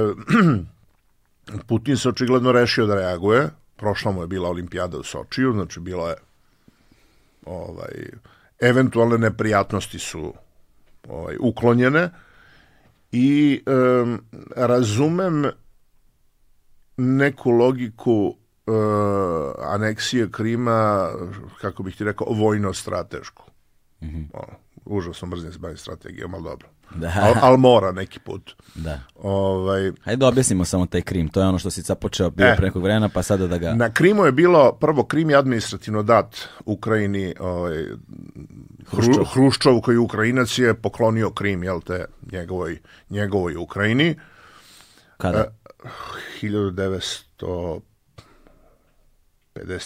ili 58. Ok. A, uglavnom, stanovništvo Krima nije bilo tradicionalno ukrajinsko, bilo je tradicionalno rusko i tatarsko. Ne znam, bili su Tatari, Karajmi, Krimčaci, Jevreji, Grci. Koliko stanovnika tamo ima?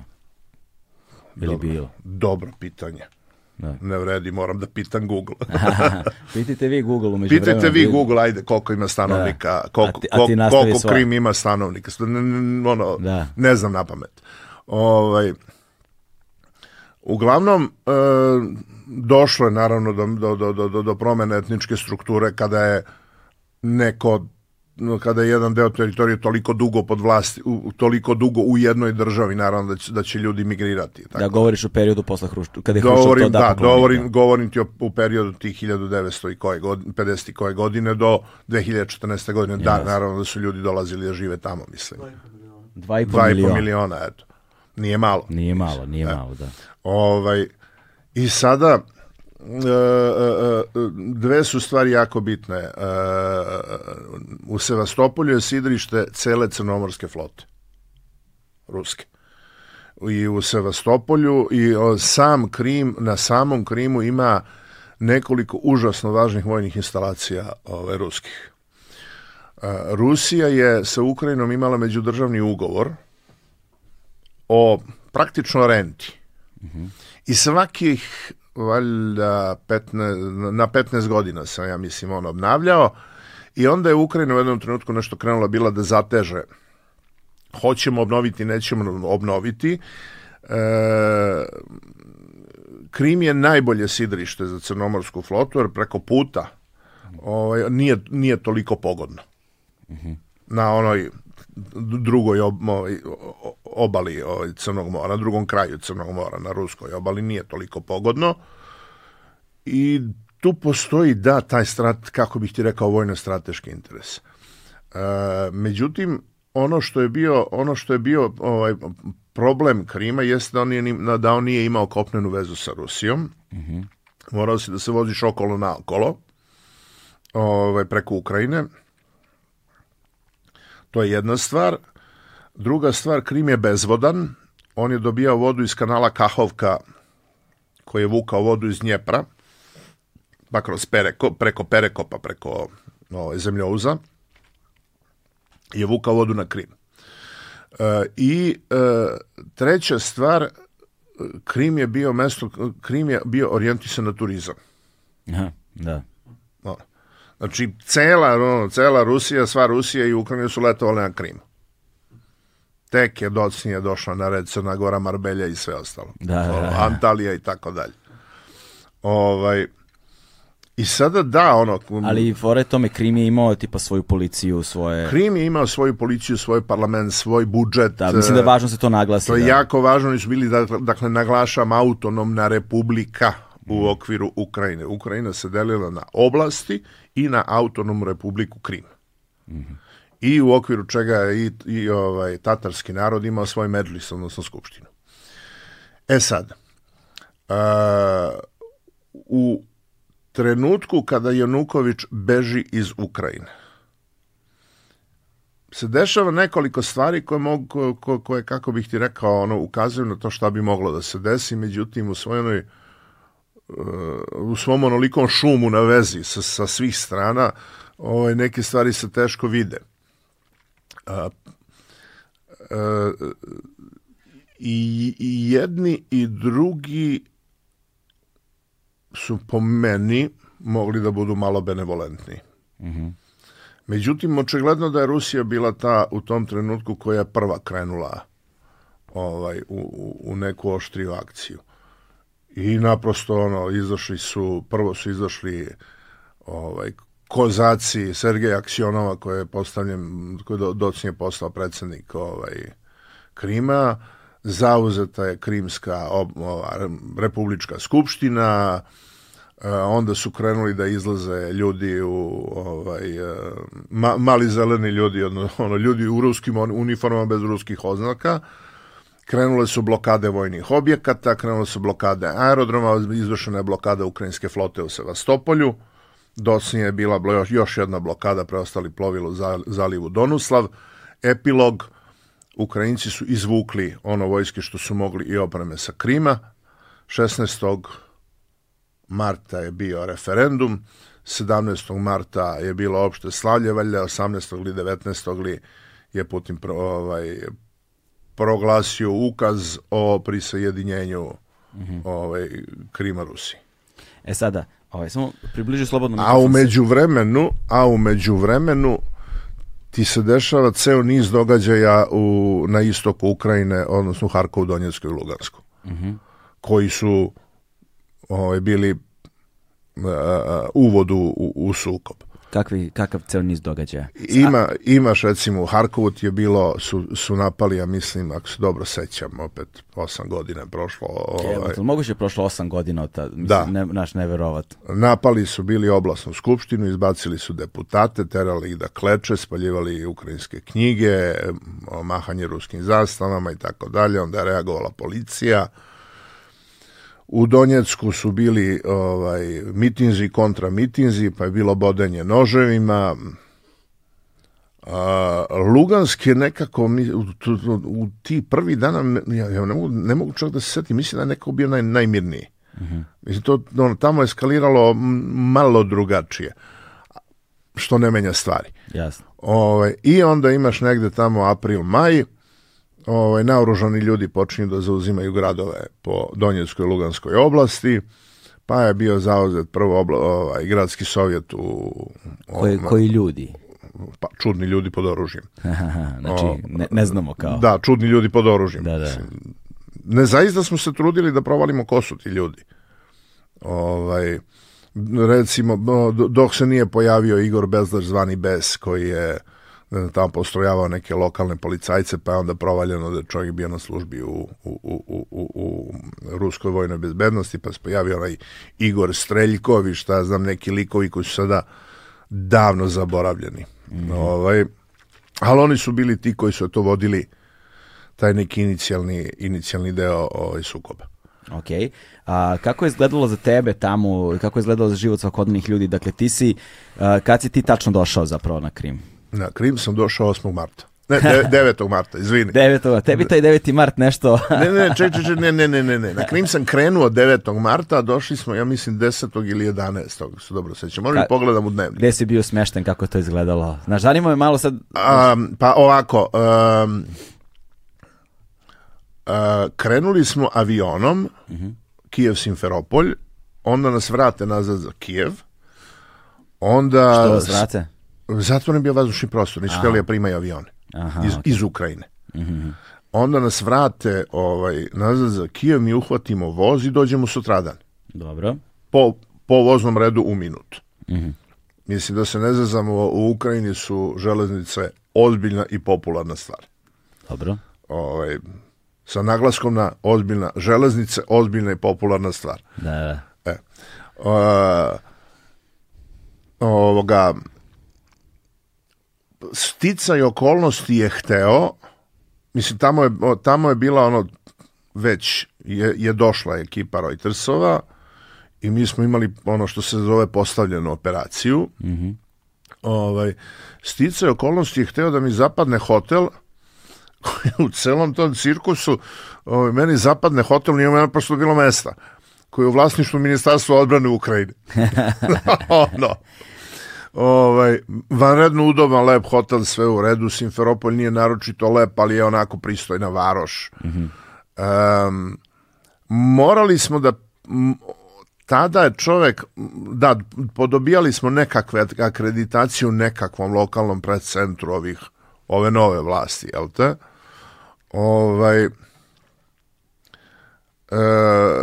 i onda znaš imaš to je ne znam, ne znam koju paralelu da ti napravim. To ti ako si gledao ako si gledao ne znam ono ruske klasične filmove ovaj pa ono ili ako si gledao Eisensteina Nisam gledao Eisenstein. Af. A, a, a, a, a.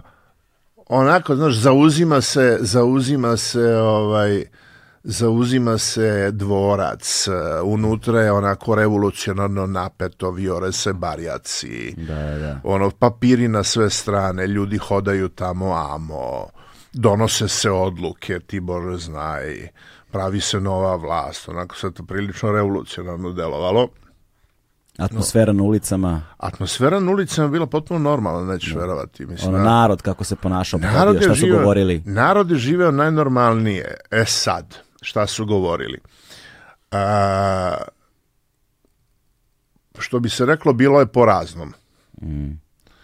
E, jedni su se bojali onoga što dolazi, uglavnom Ukrajinci, drugi su jedva čekali ono što dolazi, Tatari su se bojali jer su jer oni imaju negativne iskustva, imaju loše iskustva sa Rusijom, ono još od staljinske deportacije.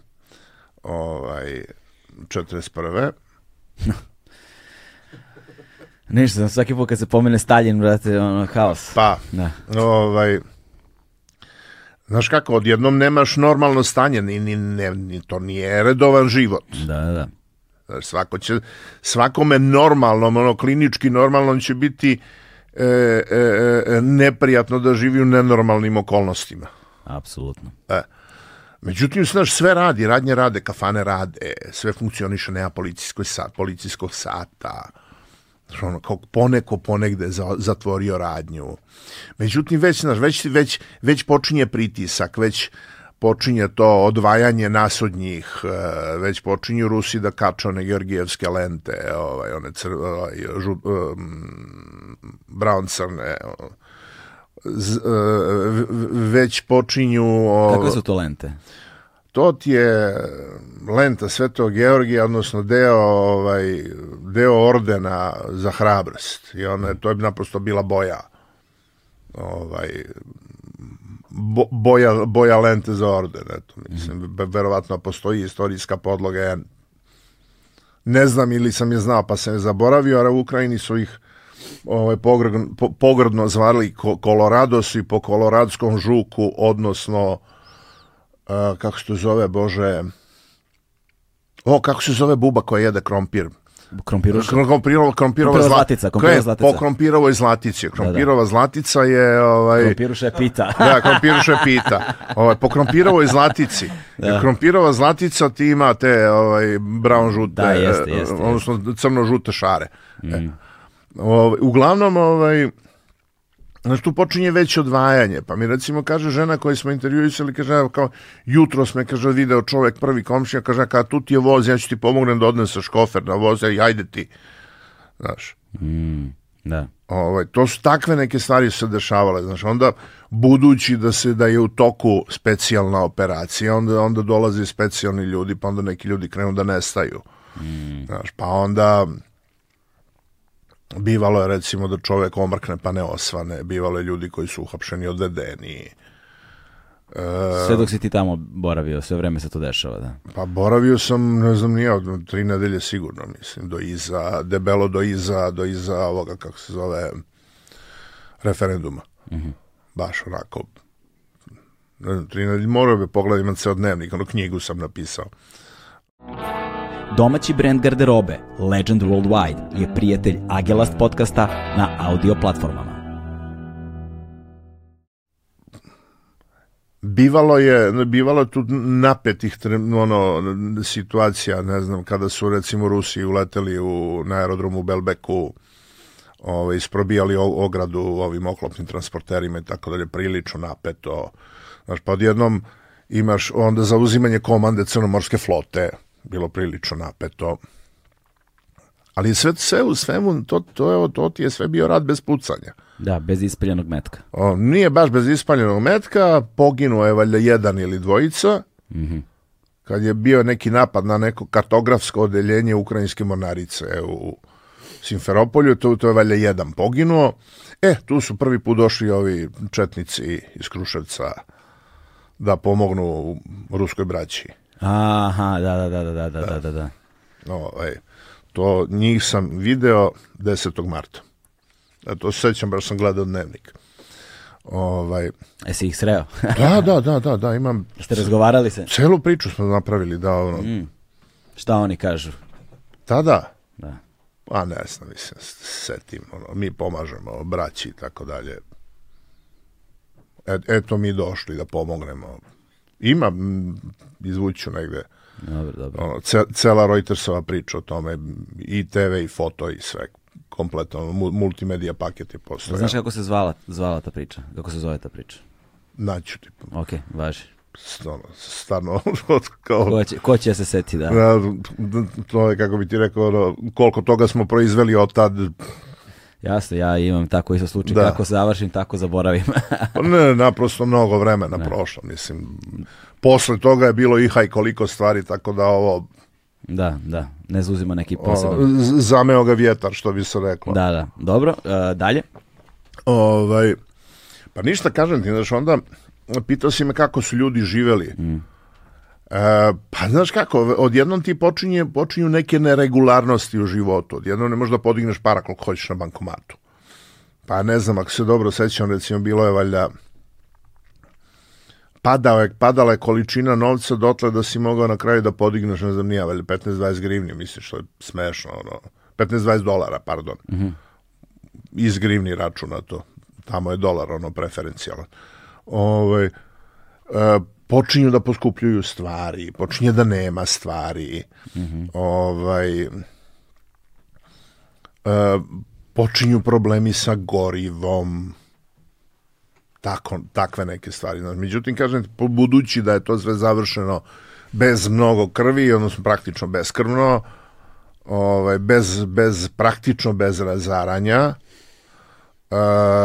da je brzo napravljen taj most ovaj, e, preko, preko Moreuza Kerč, da je Rusija odmah krenula sa uspostavljanjem državne vlasti i tako dalje, nije to, nije Krim to nešto mnogo osetio u smislu da je ono, da su oni, da su oni razmerno brzo vratili nekom uslovno rečeno svakodnevnom životu, dakle koliko je normalan, to je drugi padež. Mhm, da, da. Ovaj, mnogo je gore, ovaj, mnogo je gore bilo na istoku Ukrajine, jer opet kažem tu iz jedne razmerno normalne situacije u Donjecku u maju mesecu ovaj, 2014. godine, kada tebi tamo radi čuvena, čuvena ovaj, ljevo, ljevivska šokoladnica, ono, gde prodaju predivnu ovaj, čokoladu, top, ovu, topljenu čokoladu sa kardamomom. Aha, Div, dobro. divna stvar. I tvrdoglavo i uporno govore ukrajinski. Ne zato što je to brend, nego zato što oni smatraju da tako treba. I gde imaš, ne znam, i mitinge i kontramitinge. I gde imaš tu neku kao rusku barikadu ispred zgrade ovaj, e, oblasnog sovjeta sa ruskim zastavom, zastavom te neke docnije Donjecke narodne republike, šta god da to značilo. ovaj, do, do, do, do, ali sve vreme, znaš, ti oko toga imaš potpuno normalan život, imaš mm. park u kome, ne znam, ono, lokalni hipsteri se voze na skejtovima i, ne znam, ono, sviraju ovaj, ulični svirači sviraju jazz standarde i go, gospođe šetaju sa čivavama i, ne znam, uh, ovo prave se planovi za odmor u Crnoj Gori i, i u Antaliji do situacije u junu mesecu kad imaš ozbiljan rat na 50 km od grada. Da, da. Čak i u samom gradu, znači kada ti već, ti već imaš sukobe oko aerodroma koji za budi rečeno bio potpuno nov, Gans nov, napravljen 2012. godine za onaj, za onaj futbal kad je bio. Ne znam, ne, ne, da. to, to, tu sam Pa eto, na, na, naprosto napravili su potpuno da, nov aerodrom. Za potrebe futbala. Pa za potrebe ono prvenstvo futbala, kad da. je već to bilo pa imaš ogroman, bio je potpuno potpuno nov, divan i lep stadion ovaj, Šahtara iz Donjecka, koji je docnije, dok sam ja bio tamo, recimo, bio korišten za podelu, kao, kao mesto za podelu humanitarne pomoći. Taj, aer, taj aerodrom je već do negde jeseni 2014. bio sveden na gomilu, na gomilu sekundarnih sirovina. Da. Na stranu ovaj broj poginulih i tako dalje i ranjenih u borbama oko aerodroma. Mm -hmm. I to se, ta, te, te borbe su se vukle, boga mi, duboko do zimu ovaj, 2000, 2015. godine. O, tamo negde januar, februar, kad, kad sam ja već bio tamo. Mm -hmm. I sad kako je izgledalo, kako, kako je izgledao taj uh, tvoj boravak da u, mislim u kom trenutku sad kako sad to da formulišemo u kom trenutku počinju zapravo ovi sukobi oko koji se danas uh, odvijaju, gde si ti bio tada, ti si zapravo dočekao početak ovog rata, bio si, gde si bio, u Mariupolju si ti bio? U Mariupolju. Mariupolju, kako si tamo došao, odakle si došao tamo? Pa, ništa, odavde pa, da, da, da, ja sam odavde, ne, ne, ne, ja sam odavde otišao u Kijev, to je bilo ono vreme ovaj posle evakuacije ambasada i ovaj međuna, i, i, i međuna, dela međunarodnih organizacija iz Kijeva u Ljoviv Ili Lavov, kako ga je e, Pravilno bi... E, Lavov ti je poljski, to je Lavovsko vojvodstvo, Lemberg ti je nemački, Aha. Leopolis ti je latinski, Ljvov ti je ruski, Ljuviv ti je ukrajinski. Pa sad... pa ti sad izaberi. Da, da. da. Ovaj...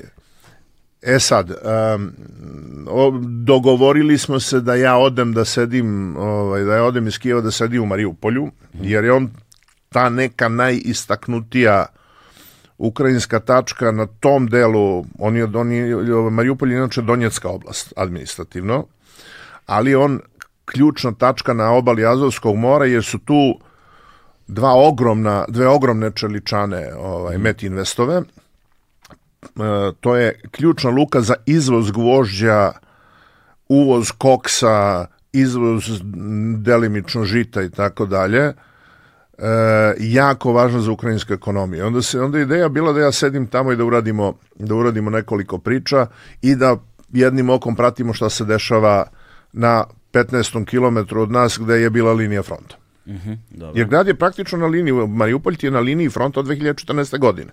Da. Od avgusta 2014. septembra, izvini. Ne, avgu, kraj avgusta.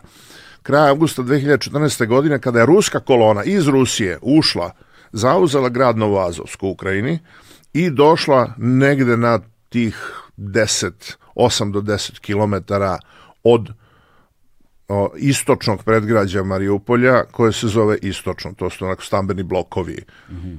ovaj, Koliko stanovnika ima Mariupolj? Ima, imao je nešto oko 500.000. Ok. Računaj da ih sad u gradu ima nešto oko 400.000. Da, da, da, znači nešto veće od Novog Sada, recimo. Da. Da, da, da, okej. Okay.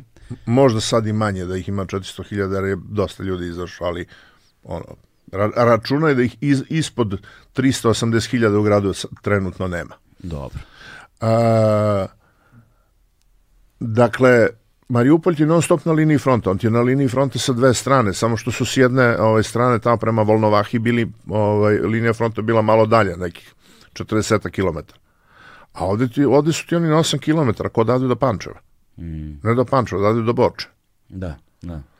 Ovaj, I sad a sve vreme mora da ide neka ovaj, biznisi moraju da rade, proizvodnja mora da radi, izvoz mora da radi i oni su se, i oni su se sve vreme suočavali sa problemima blokade ovaj, Kerčanskog moreuza koju su Rusi napravili dvostruko. Jednu su, jednu, jedna blokada je napravljena samom fizikom jer je most bio toliki da, most je toliko visok da ne dozvoljava prolaz nekim tipovima brodova.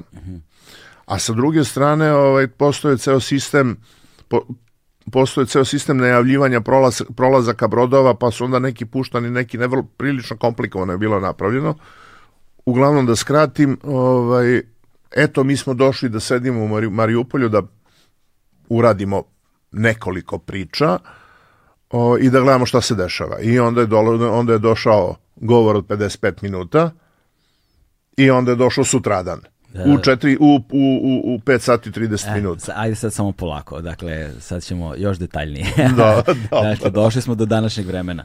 A, ho, zanima me kako je izgledao život, svakodnevni život u Mariupolju, ono do govora od 55 minuta. Ono. Do govora od 55 minuta. Na ulasku u grad je postojao checkpoint, ja mislim da taj checkpoint tu staje od 2014. godine. Mm -hmm.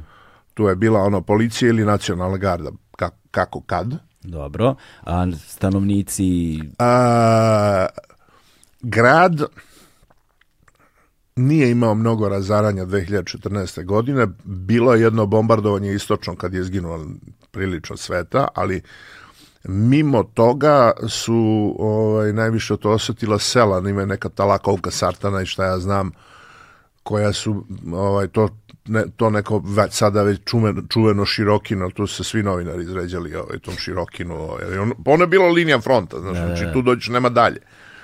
Ovaj, oni su imali razaranje, sam grad nikad ne, ne nešto pobilo, nešto, ako se dobro sećam, 2014. godine. Međutim, ne, u gradu ništa najnormalnije, sve radi, sve funkcioniše, rade menjačnice, rade banke, rade bankomati, da. ima goriva. Rade kafane. Rade kafane. Koje je popularno jelo tamo? Uh, e, vidi, najpopularnije je tamo bila ova jedna odlična ovaj, kafana koja je imala burgere sjajne. Aha. Sjajne burgere, najbolji je bio Jack Daniels burger, ovaj, to im je bilo ono kao brand, ovaj, ne, neki kao Sosovs, ono, Jack Daniels. Da, da, da, da, da. Loš misliti, ovaj. Ali, stvarno dobro. Mm. E, ovaj, bila je čuvena, ono, predratna ovaj, kafana ono, za uh, momke sa vrelog mariupoljskog as, asfalta, ovaj, stari majak, stari sveteonik. Aha. Jesu, tu je, tu je 90-ih dolazila cela ta ekipa, onako, Mm. O, u, u trenerkama i džigibao džipovima. I to džigibao. Da. e, ovaj, elem, ne, grad funkcioniše, grad, grad potpuno normalno radi. E, I čak i to jutro, znači kada je krenulo da, kada su te prve rakete pale, o, ovaj, mi smo izašli iz hotela, ono, pouskakali u pantalone, stavili pancire i seli u kola i otišli da obiđemo, da vidimo šta se dešava. I sad, potpuno nadrealno onako, ovaj, mi se vozimo kroz grad, radi gradski prevoz, ljudi idu na posao, uh, radnje se otvaraju, bio je jedan manji red pred bankomatom, ali recimo 4-5 ljudi, ne više. Mm -hmm otvorene kapije ovaj, u, kod, od, od Azovstala Čeličane, dolaze, dolaze radnici na posao, e, odma pored, preko puta, preko, kad pogled preko ulica, ima reka Kalmius, petorica već zabacili pecaju. Da, da, da. Znaš, došli smo, e sad fakat se malo promenilo kad smo ušli u, kad smo prešli taj, na, na, na tu levu stranu, na tu levu obalu Kalmiusa, ovaj, i ka, kako smo išli prema, ovaj, prema tom jednom ćošku od istočnog, tu je bila jedna, jedna tačka, mi smo nju našli 2014. Dakle se odlično vidi cela obala i tamo mm -hmm. može da se nasluti šta se dešava na tamo desetom kilometru. Ove, e, tu već nije bilo ljudi i već se videlo da su, da, da, da, da, da, da su neke kuće ispražnjene, ono, u smislu da su, da ne gore svetla, da. a rano je jutro i tako dalje. Da je napušteno. Da, je na, da, su, da, su, da su zaključane, s ljudi otišli i već je počelo se raspoređuje ovaj ukrajinska vojska. Aha. Polako, polako, ali su već krenuli da se raspoređuju. Sad jedan zanimljiv podatak je da si ti prespavao raketiranje. E, ja sam... E, Kako kaže, spavao sam kod cigla. ja sam stvarno spavao kao cigla. Carlos fotograf mi je lup, lupao na vrata, ja se probudim, šta je bilo, kao ti nisi čuo šta nisam čuo. Pa kao bila eksplozija. Dobro, bila eksplozija, ono, ajde da vidimo. Da, da. O, ne, ne, stvarno sam bio, ne znam šta smo radili dan pre, uglavnom dan sam bio umoran kao pas. Da. I da stvarno nisam čuo. Da, ali bila je jedna koju si čuo i tekako. Bila je jedna posle koju sam čuo i tekako. Ovaj. Posle, posle su oni, dok smo se vraćali odatle, oni su, oni su krenulo je da stiže. Da, a ne, a pričao si mi za ovu jednu specifičnu koja je nešto bila tona dinamita. A, to je bilo u Donjecku. Kada, kada, su, kada je pala ta, to, to je točka U. Točka U je ovaj, taktička raketa kratkog dometa. To ima, ne znam, 750 ili 1000 kila eksploziva. To kad je palo, onda je, onda je hotel on odskočio 2 cm. Da. Mislim, to se baš osetilo. Ovaj. I bilo je tako još nekoliko navrata. Nije od, od, od, od 91. da, da, čuo sam ih dosta. ovaj. Strašno. Kakav je to život, čoveč? Pa, Uzbudljiv? Ili čovjek navikne vremena? Navikneš se. Navikneš se. Navikneš Ove, nastavi dalje, molim te. Pa ništa, to kažem ti, znaš, tada je već počelo da stiže i onda smo se mi lepo, ovaj, onda smo seli da razmatramo šta bi i kako dalje ovaj, i onda je doneta odluka da izađemo ka Zaporožju i da se vratimo u Kijev jer se sad već priča pomerila. Šta znači pomerila? Pa znaš kako, pomeriti se, kako bih ti rekao, pomeriti se fokus priče, znaš. Aha, a to misliš, da, Da. okej. Šta sad radiš? Šta je sad, šta je sad, šta ti je sad u toj nekoj hijerarhiji vesti, šta ti je starije?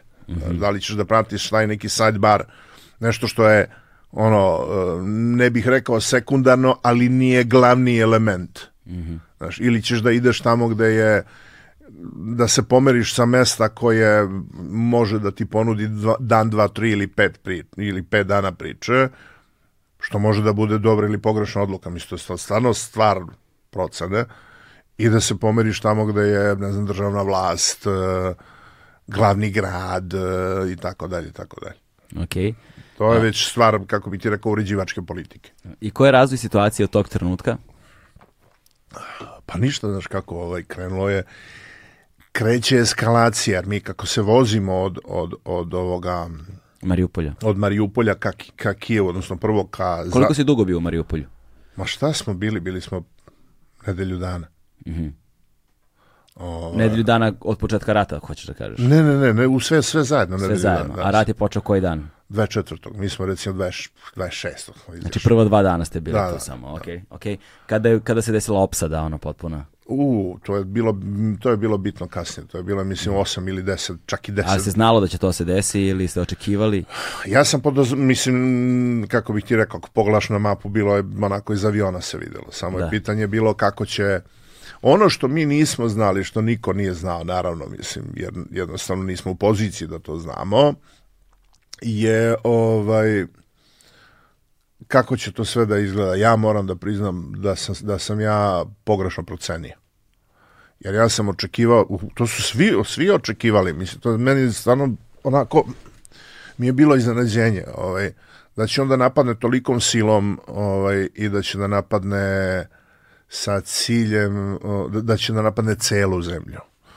Svi smo očekivali da će sada da dođu ruske trupe, oni su priznali Donjecku, Lugansku narodnu republiku, sad će dođu, ovaj, da uđu vojskom, e, proglasit će se za ove, mirovne trupe i mislim to je to, proglasit će se pobjeda u Moskvi, sve super, idemo na politički proces.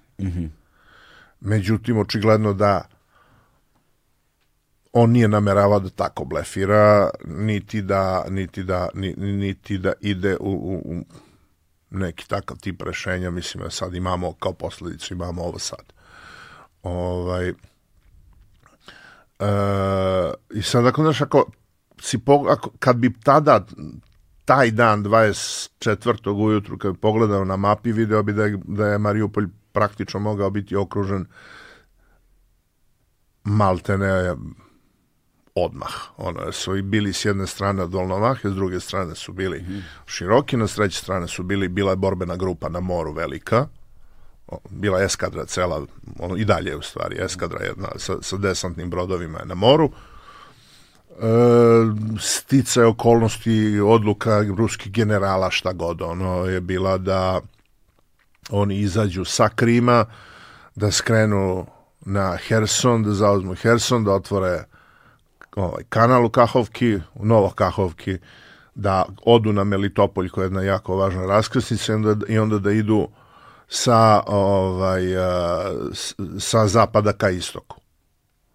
I da onda iz tog pravca, a i iz pravca ovaj, severa i zapada da, da, da, da okružuju grad. I grad je praktično tako i okružen. Samo što se to desilo nešto kasnije. Ok, uh, vi stižete u Kijev? Pa ništa, stižemo u Kijev, uh, dolaze vesti dok putujemo i sad to je onako prilično, prilično ove, ružna situacija, sediš u kolima, voziš se, žuriš da stigneš, a nisi siguran ovaj, šta se tačno dešava na terenu. A koliko je to duga vožnja? Dva, da, dva dana. To od Mariupolja do Kijeva dva dana vožnja. Dva dana, da. Bog te nas. Jedno spavanje. Mislim, može u cugu, ali ovaj, nije pametno. Da. Ovaj, nije pametno u smislu jako, jako je zamorno. Može da se vozi kamionđiski, jedan vozi, drugi spava, ali nije dobro. Ovaj, elem, dolazim, gadno je, jer sve vreme dobijamo vesti da je i da je izvršen helikopterski desant na Gostomelj, Gostomelj je jako blizu Kijeva kao batajnica Beogradu. Mm -hmm da je bilo napada ovde, da je bilo napada tamo, da su pale rakete tu, da su pale rakete tamo, da je došlo do pucnjave na Obolonju, Obol, Obolonj deo grada, kao na primjer, nemam pojma, Bežanijska kosa. Mm -hmm. okay. Ono, ili Altina, ajde, Altina, Altina. Ovaj, I sad, znaš, ti ideš ka, ideš da stigneš negde, nisi siguran šta se dešava na terenu, Onda je pao mrak, onda smo morali da prespavamo, jako blizu Kijevu, ali svejedno, kada padne mrak, tada se za, ono, tada se za tebe kao novinar na terenu završao život. Znači, mrak ništa, nema. Ovaj, I onda smo morali da prespavamo. Ujutru smo ušli u grad začuđujuće lako i brzo. A gde ste prespavali? Prespavali smo to hotel jedan ovaj rade hoteli sve kao radilo tamo. Pa kako ko kako gde, znaš, neki da. hoteli su se jako brzo pozatvarali. Mm -hmm. Neki su nastavili da rade. Ovaj ovo je bio nekakav spa u Konča Zaspi što ti je onako jedan izletnički deo. Mm -hmm. Ovaj to je nama dok smo živeli u Kijevu bilo onako familijarno izletište ta Konča Zaspa. Lepo je bilo, sad su tu vile i vikendice i hoteli i svašta i spa resorti. Ja, da, da. Ovaj, I tu smo prespavali i kažem ti ujutru smo eto, otišli za Kijev jako brzo ušli sa ništa. Mislim, na, onda se nastavilo, znaš, onda padne raketa tu, padne raketa tamo, radiš priče, radiš svakodnevno, radiš onaj posao koji bi inače radio svaki to je, dan. Da, to, to, je, to je sad zanimljiv jedan deo, zato što um, uh, hajde da oslikamo ljudima da nam malo bolje razumeju tu geografiju koja je veoma važna za razumevanje ovog sukoba i za razumevanje odnosa ljudima prema sukobu. Kijev je veliki grad. Kijev je ogroman grad, 892, ja mislim, kilometra kvadratna. Na, to je, kakav je teren? E, sa jedne strane imaš, znači, leva obala leva obala Dnjepra ti je ravna, to ti je Novi Be ajde recimo Novi Beograd. Uh mhm. -huh. Desna obala, vrlo je sličan Beogradu. Okay. Znači desna obala, na desnoj obali imaš uzvisinu, imaš kao što bi u Beogradu imao ovaj Savski greben, tako imaš i u Kijevu otprilike isto ovaj, mm -hmm. istu, sličnu geografiju. S tim što je grad bitno veći, uh, arhitektura grada, posebno na, na, na levoj obali, tu su ogromni stambeni blokovi, posebno ovi novi moderni, to su zgrade sa po 300 stanova, 220 spratova. Da. gigantski tržni centri, znaš, to, to ogromna, ogromna prostranstva, imaju gde da grade, znaš, pa su mogli da, pa je grad mogao da se raširi, grad je pun parkova. Da. E, stari Kijev je naravno zbijeniji, jel te, ali je i on dosta prostran. Mm -hmm. I tu imaš bulevare koji su pravljeni, pošto je, do, pošto je grad uglavnom bio razbijen nakon drugog svetskog, ono, tokom drugog svetskog rata, onda su napravljeni ti, tih nekoliko prilično širokih bulevara, pa imaš i to kao jedan onako ovaj, element geografije koji je jako bitan. Znači, ako imaš toliki bulevar, onda, nje, onda njime lako možda prođe mehanizacija. Da, da, da. Ako tu da lako može da najđe mehanizacija, onda ćeš tu morati da je očekuješ i da postavljaš odbrambene položaje i vojsku. Da. Prosta logika. Koliko je to traka u jednom smeru? Nije to, nije to ono kao u Moskvi, ovaj, da. ne, imaš to, ne znam, ovaj, prospekt, prospekt pobede je, valjda, ima, ja mislim da ima tri trake sa svake strane, tako nešto. Okay. Ima pet mostova, ima pet mostova na Dnjepru, od kojih ja mislim da trenutno rade dva. Da. Ovi su zatvoreni, i ostali su zatvoreni za saobraćaj. Eto onako i sad e, I onda je ne možeš vidi, ne možeš sve da vidiš, ne možeš sve da čuješ. Da, da.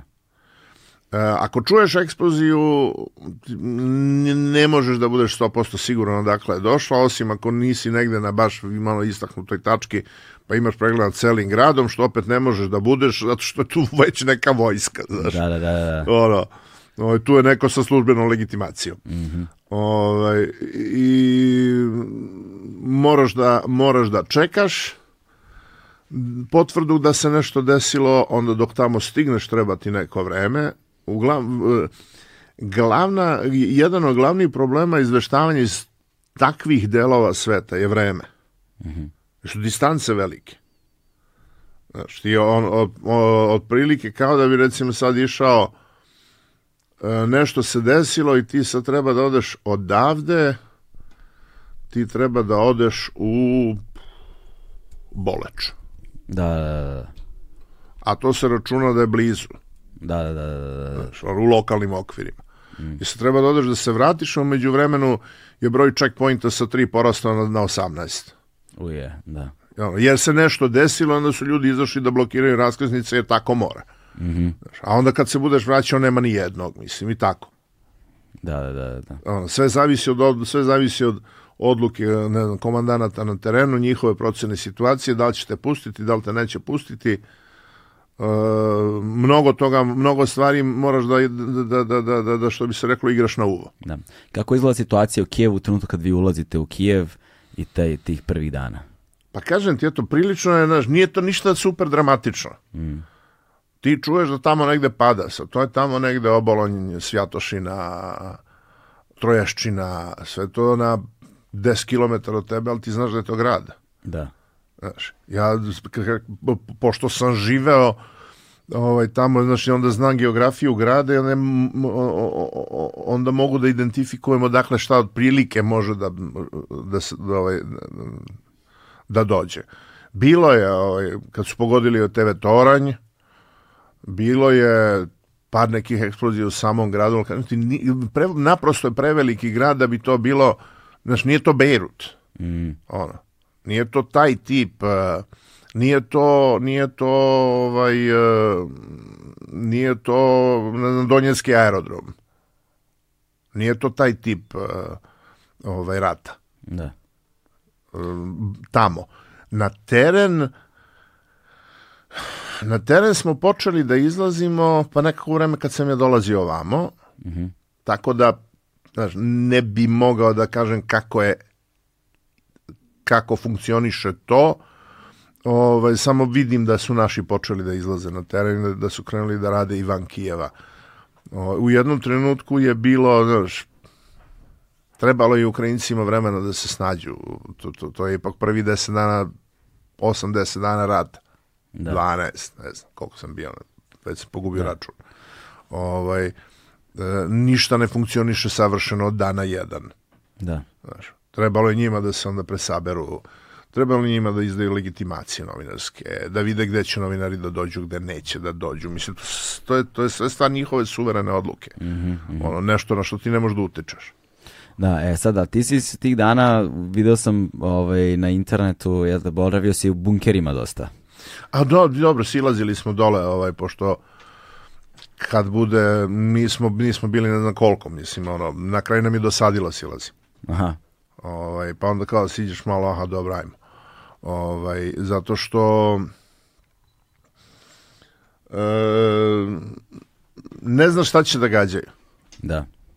Ne znaš šta će da gađaju. Prilično, ono, to, to, to, to je prema onome što sam ja mogao da ustanovim, to meni ne deluje kao preterano. Da, gađaju, naravno se gađaju vojni ciljevi, prvo, mislim, zato što je rat, jel te? Da. ali ovaj, dešava se da omanu.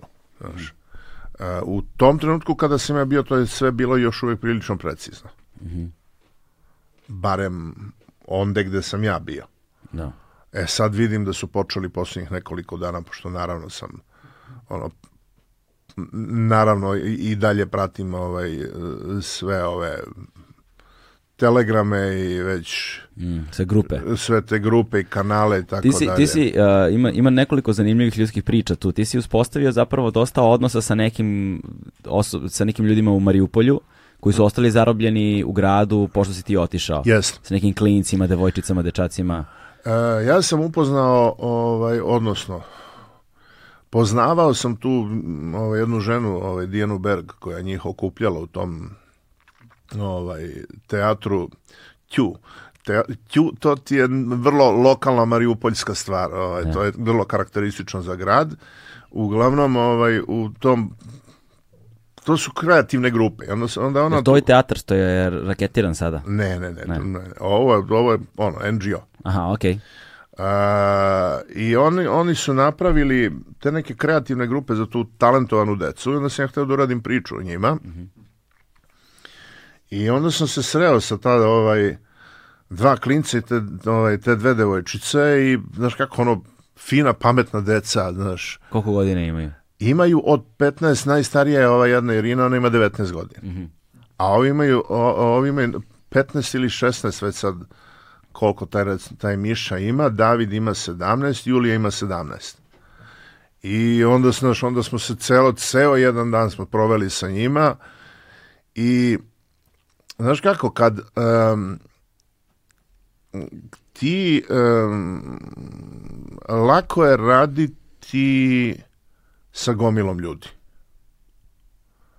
Jer ti kad vidiš, ne znam, gomilu lako, nije lako, ali kako bih ti rekao, psihološki je psihološki je Distanciranije.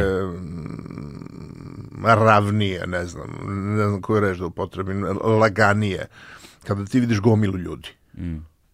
Međutim, ti kada sediš sa ljudima koji dobiju imena, prezimena, lica, znaš kako im ide, ne znam, za ovu konkretnu decu, znam kako je u školi, znam kakvu muziku slušaju, ono, znam šta su jeli kad smo sedeli, ono, smo im kupili picu, i tako dalje, znaš, onda, onda ti se promene relacije, znaš, onda to sve odjedno dobije im prezime. Postaje intimnije, postaje lično. Postaje, znaš, postaje... Dobije ljudsku dimenziju. Dobije potpuno ljudsku, sve ima ljudsku dimenziju.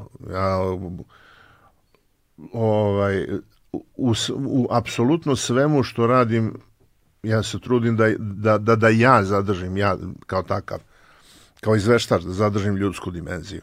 Ovaj, ali ovo je baš onako, znaš, kad te svede na taj neki najljudski mogući nivo. Drugo, pazi, ja sam živeo tamo. Ja tamo imam gomilu prijatelja. Znaš, tako da meni nije sve jedno, ne dešava se to negde tamo gde ću ja da, bud, gde ću ja da dođem, iskrcam se iz aviona, završim posao, spakujem se, odem. Nije, nije isto, Da. znaš. Ovaj, drugo je u tom Mariupolju sam ja upoznao gomilu sveta 14. godine. A, Pa sam znao i neke ljude iz tog istočnog koje opet nisam video 8 godina. Pa, znaš, sad treba, trebalo okrenuti sve te telefone, da li su živi, da li su zdravi, da li su pomrli od korone, Da. da li su pobegli, da li su ostali. I? Da. Pa neki su tu, neki su, ono, fakat je bilo, ne, par, par njih je umrlo od korone. Šta ja znam.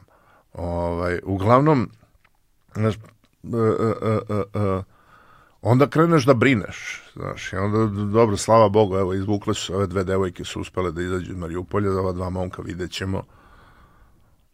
Ima ovi, ovaj, konvoj polako izlaze jedan, jedan po jedan, to je, to je jedan od, um, od ovog de, delova sporazuma. Onog prvobitnog susreta.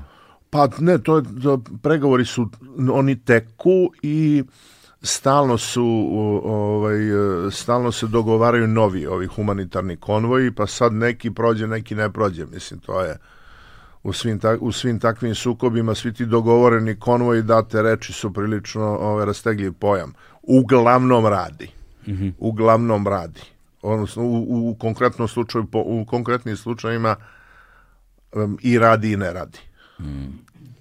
Sada, uh, zanimljiv je taj aspekt uh, novinarskog posla u ratnim zonama, u ovoj speci specifično, a, zato što video sam da si ti postavljao i dosta apelovao na to da a, kolege povedu računa o protokolima i o jasnoj signalizaciji i ovaj vidljivom ono i manirima ponašanja koji će te učiniti sigurnim. Volio bih da po, malo akcentujemo tu priču zato što evo poslednjih dana stižu informacije o tome da su brojne kolege poginule tamo. Pa dobro, on, poginuli su... Brojne, mislim, da. sad ih je već šestoro, sedmoro poginulo. Tamo. Ne, ne, ne. Poginuo je uh, ovaj... Snimatelj Foxa. Renault, Renault koji je radio za uh, Brent Renault, koja mislim da se zove, koji je radio za New York Times nekad.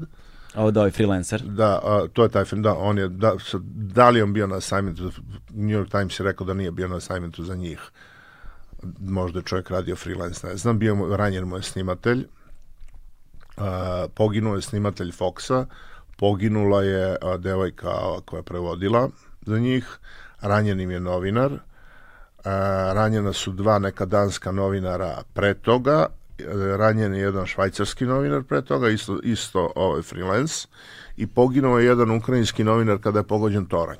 Mm -hmm. E sad, I bio je, da, i povređen je bio novinar Skaja i pucano je na njih jedva su žive glave izneli i tako dalje. E sad, um, ako me za to pitaš, to je zanat. To je stvarno zanat. To je zanat, to je stvar, to je sve stvar kalkulisanog rizika. Uh, međutim, da bi ti pravilno izračunavao rizik, ti moraš da znaš šta, šta u startu smeš, mm -hmm a šta u startu ne smeš. Ne u smislu slobode e, e, tvog novinarskog izraza, ne u smislu da ćeš ti gubiti na tačnosti izveštavanja, već u smislu toga šta ti smeš, a šta ne smeš da, uradi, da uradiš da ne bi izgubio glavu. Da, da. A, I tu postoje ovaj, gomila tih nekih pravila ili nazovimo i protokola, To je negde počelo da se pravi 90. godina ovaj, i počeli su ljudi da se osvešćuju otprilike negde na Balkanu, možda i za vreme ovaj, Zalivskog rata, jer jedna generacija koja je pratila Vijetnam, pa je to znala na jedan način, mm -hmm. već polako profesionalno izlazila iz posla, a druga generacija je dolazila. Ok, mikrofon. Da, da, jeste, jeste, jeste. Ovaj, I, o, ali smo mi to, mi smo to na Balkanu, mi, mi kao, mi kao profesija, smo to na Balkanu učili metodom probe i pogreške što je, složit ćeš se, najgori mogući metod da nešto... Apsolutno da, najgori, da. Da, da, nešto, da nešto naučiš. To je ono instrumentalno učenje putem pokušaja i pogrešaka. Da. Ovaj, pa nas je tako izginulo dosta. Mm. Ovaj, I ceo taj Balkan je bio prilike neka što s toga tiče ovaj prekretnica što profesion što se što se ove profesije tiče da su ljudi počeli da se brinu oko bezbednosti. Aha, okej. Okay. uvedeni su uvedeno je obavezno nošenje pancira, ne nosi se pancir da bi da bi ovaj ti demonstrirao da je tamo strašno, nego se pancir nosi zato da bi tebe zaštitio. Od čega te štiti? Može da te zaštiti od pešadijske vatre sa neke daljine, mm -hmm. ispod neke daljine ne možete zaštiti ni od čega ploča će te zaštititi, ali ovaj, Kevlar ne. E, ako si u, u dometu artiljerije, obično jesi, nosi se zato što si u dometu artiljerije. Šlem se nosi zato što neko nešto može da ti padne na glavu. Da. Vrlo prosto. E, to se radi zato što stvari mogu da se dese. Kolika je mogućnost, ne pretarano velika, ali može da se desi obično su ljudi stradali u situacijama kada su bili ubeđeni da im se ništa ne može desiti. Da, da. Da. Ali tu sad i niza grešaka oko... E sada, imaš pravila koja ti ne smeš da kršiš. Naprosto ne smeš. Zašto? Zašto su isprobana dovoljno puta.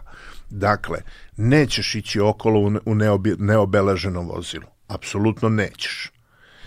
E, nećeš e, ići napred ako je neko opalio hitac upozorenja. Staćeš. Nećeš se raspravljati sa naoružanim ljudima, osim ako nemaš jako, jako dobru procenu da ima šanse da prođeš. Dakle, onaj koji nosi oružje za tebe je bog, tačka, on ima oružje, ti ga nemaš, završen razgovor.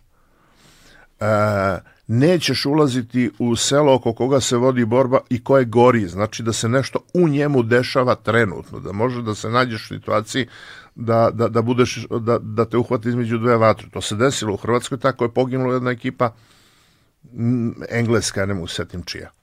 Mm -hmm. e, nećeš uh, izlaziti napolje ako je u toku artiljerijska vatra. Poštovaćeš ono što ti kažu ljudi pod oružjem koje te vode kroz njihovu teritoriju, oni znaju, ti ne znaš. Da. Uh, nećeš prelaziti linije fronta osim ako to nije mesto gde ga uobičajeno uvek i stalno ono u nekom dužem vremenskom periodu prelaze i civili i međunarodne organizacije. Nećeš okolo hodati bez legitimacija, akreditacija i papira koji svedoče ko si šta si.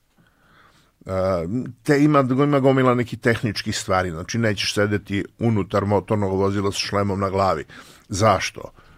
Neki put da, neki put ne. Ako sediš sa šlemom na glavi, to je kada ideš od nečega i kada ima, postoji mogućnost da ti šlem zatreba, ali šlem je stvar nezgodna zato što e, bi trebalo da budeš visok otprilike 1,40 m da ako si po šlemom bezbedno iskočiš iz, iz modernog motornog vozila. Da.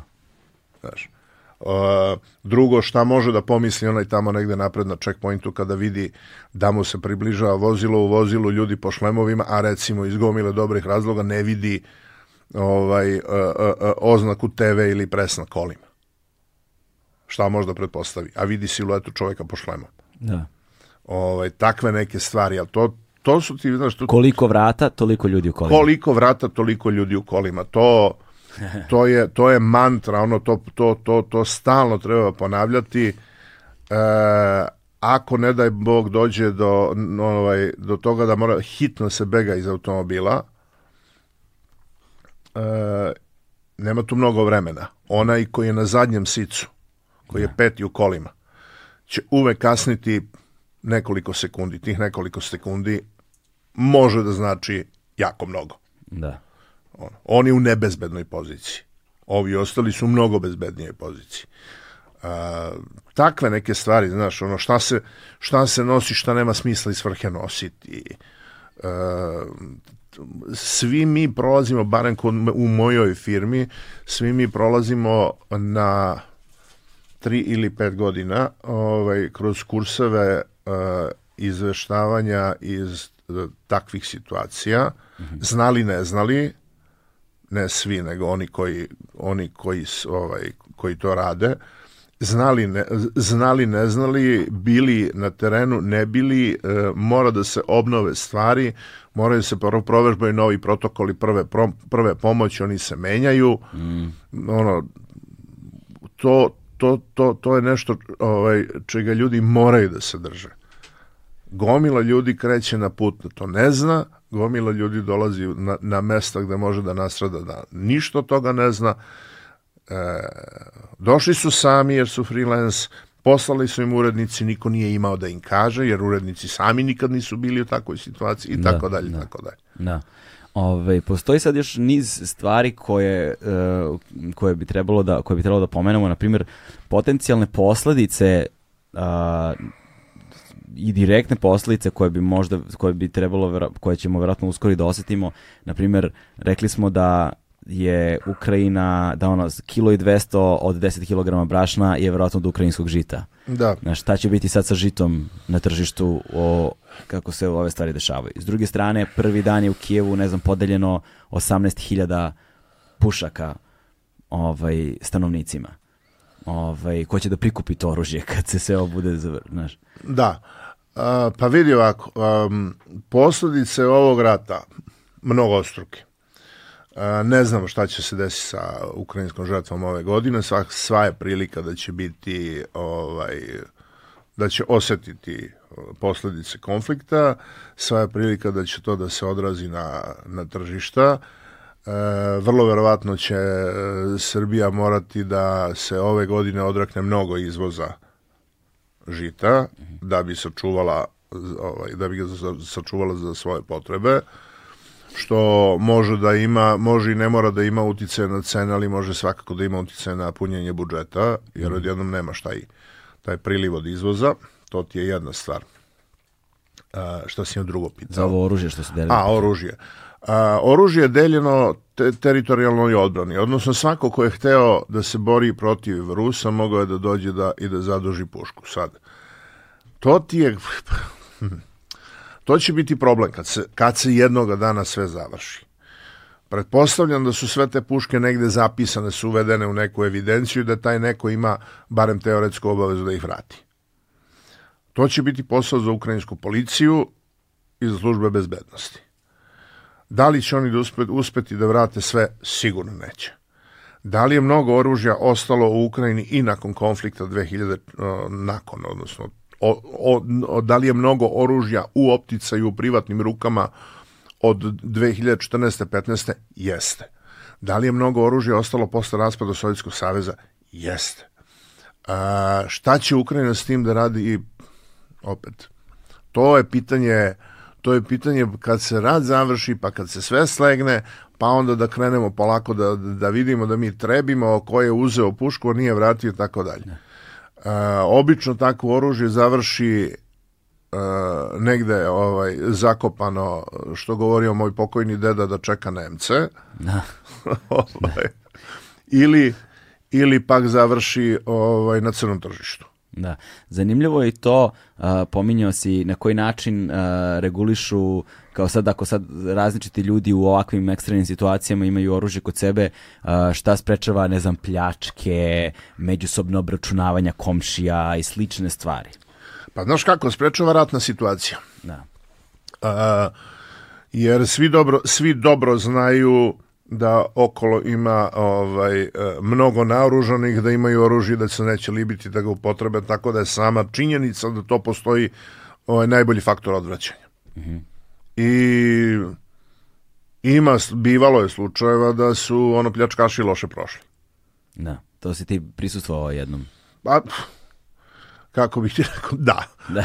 Ovaj, znaš, jednostavno svi imaju oružje, svi znaju, ja znam da, ono, ja znam da ti znaš da ja znam da ti znaš. I mm. ne bi reskirali, jel tako? Mm. To je ta relacija. Da. da. E, posebno zato što ima ovaj mnogo ljudi koji su nervozni, uplašeni, umorni, besni i tako dalje. Znači, niko pametan nije lud da na taj način provocira. Bilo je, evo gledao sam jutro sa nekom od ovih telegram, telegram kanala da su lopovi obeležavali, imaju sistem za obeležavanje stanova u kojima nema vlasnika. Mm -hmm. e, vrlo verovatno da će da im posao ide dobro neko vreme, a onda će negde da nalete na neku na neku policiju ili na ekipu iz kraja ili teritorijalnu odbranu i tako dalje, onda će da bude da. Znaš. Ovaj, bilo je primjera da je to ekipa iz kraja rešavala probleme nekih uhvaćenih koji, ne znam, pljačkaju trafike i slično. Da, to, to, sam, to sam čitao sad. Da. Bilo je u, u Odesi, recimo, sam gledao sad na, na jednom od ovih telegram kanala, su uhvatili pljačkaša, uzeli su jednu od onih gigantskih folija, ovaj, ovih plastičnih, onih, mm. i zavezali ga za banderu, obmotali ga folijama i ostavili. I sad, otprilike, to stup stra, stavili ga stavili ga bukvalno na stup strama. Da, da. E. Da. Ove, e sad zanimljivo je takođe to, ove, sad znam da ne voliš ove političke analize i strategije, ali a, ne možemo nekako da se ne osvrnemo na njih s obzirom na to da sve deluje kao da je bio pokušan Blitzkrieg Na šta ti misliš o tome? Jeste. Da, da, je, da, Jeste. znači da je definitivno bio pokušan Jeste. Blitzkrieg i da to nije, nije, očigledno se nije završilo onako kako je Putin to zamišljao. Pa vidi, e, Putin je neko ko donosi političku odluku. E, generali su planirali očigledno jednu stvar na osnovu podataka koje su oni imali. Očigledno da im ti podaci nisu bili dobri. E, I sada je rat u fazi kada može da se produži na Bog te pita koliko i može da postane jako nasilan u smislu da sve ono što je sada do sada rađeno sa ovaj preciznim udarima e, krstarećim raketama preciznom municijom i tako dalje sada to može da postane e, ono što bi se u žargonu reklo peglanje arti- artiljerijom Da. a to onda ima jezive posledice ovaj, po civilno stanovništvo. E, d, gde je greška u proceni? Pa greška u proceni je bila verovatno, ovaj, su mislili da će Ukrajinci sada da, sada da se ovaj da se predaju, da će odbrana da se sruši ili da pak neće biti u stanju da pariraju ovaj ruskim kolonama koje prodiru. Ono što su Ukrajinci uradili jeste da jeste da da da da barem koliko sam ja uspeo da vidim, ovaj, da primenjuju tu neku elastičnu odbranu, da ih napadaju sa bokova, da im ugrožavaju bezbednost prolaska i tako dalje. Rusija jeste zauzela dobar deo Sumske oblasti, deo Černigovske oblasti, eh, deo Hersonske oblasti i tako dalje. Primakla se Kijevu, međutim to nije tempo, imam utisak, koji su ove planeri sa druge strane zamišljali. Ovo sve ide presporo. I imam utisak da su i to sam to opet kažu ljudi koji se time mnogo ozbiljnije bave od mene da su im resursi za ovu fazu za ovu fazu operacije uh, istrošeni i da sada ovaj moraju da posežu za stvarima koje za ovo naprosto nisu bile namenjene. Što nikako nije dobro kada do toga dođe to to je onda već rastezanje na tanko. Da, ali hajde da pomenemo neke konkretne primere i da oslikamo na konkretnim primerima zapravo da ljudima bude jasno koliko i na koji način je to kompleksna stvar. Koliko recimo jedan vojnik košta? I koliko je koštao nekada, koliko košta danas? A evo ti ovako, ajde recimo da kažemo da je u napoleonovsko vreme jednog vojnika obsluživalo 10 ljudi. Ajde da kažemo da je vreme prvog svetskog rata jednog vojnika obsluživalo 1100 ljudi. O, ekonomski govorimo ili infrastrukturno i logistički? Ekonomski, infrastrukturno, kako god. E, sada kaži da ga obslužuje 5000 ljudi. Jer ti imaš nekoga ko mora da mu napravi uniformu, cipele, dugmat na uniformi, to je mala, mala privatna firma koja ima 10 zaposlenih i svi prave samo to. A, značku na kapi, um, onaj sistem za, noše, sistem za nošenje tereta koji uključuje pancir, ovaj, uh, futrole za okvire i šta ja znam, borbeni ranac, šlem, okvir, oprug u okviru, dance opruge okvira, pušku, municiju, uh, brizantni eksploziju za kapisle, uh, barut, komponente za barut, pa onda idemo na hranu. Uh, svaki onaj paket suve hrane unutra ima proizvoda barem sedam proizvođača koliko ljudi mora onda da bude uključeno u tu proizvodnju. Svati, svaki od tih ljudi koji radi za tog vojnika ovaj, treba prim platu. Da. Treba plati porez, treba, znaš. I sad, takav jedan vojnik koga slu- obslužuje toliko ljudi, krene na front i bude ranjen. Onda njega mora da izvuku četvorica i peti bolničar. Onda ga donesu na zavojište gde ga onda primi ovaj e, poljsku bolnicu, da ga primi lekar koji onda ima jednog, dva ili tri medicinska tehničara koji su stalno zauzeti oko tog čoveka.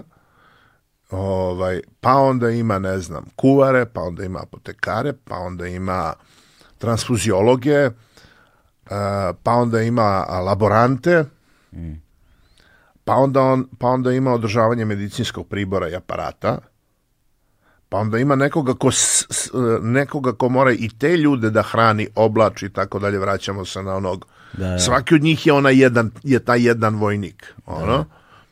na stranu koliko košta njihovo školovanje, kolike su njihove plate i tako dalje, Da. tako dalje. Onda helikopter. Na A onda dođe helikopter da njega evakuiše jer je njemu loše i mora da ide u, ovaj, u jedan viš, u, u viši stepen zdravstvene zaštite. Taj helikopter pak ima uh, dva pilota, uh, šefa posade, onoga, uh, i ono, kako se zove, loadmastera, Da.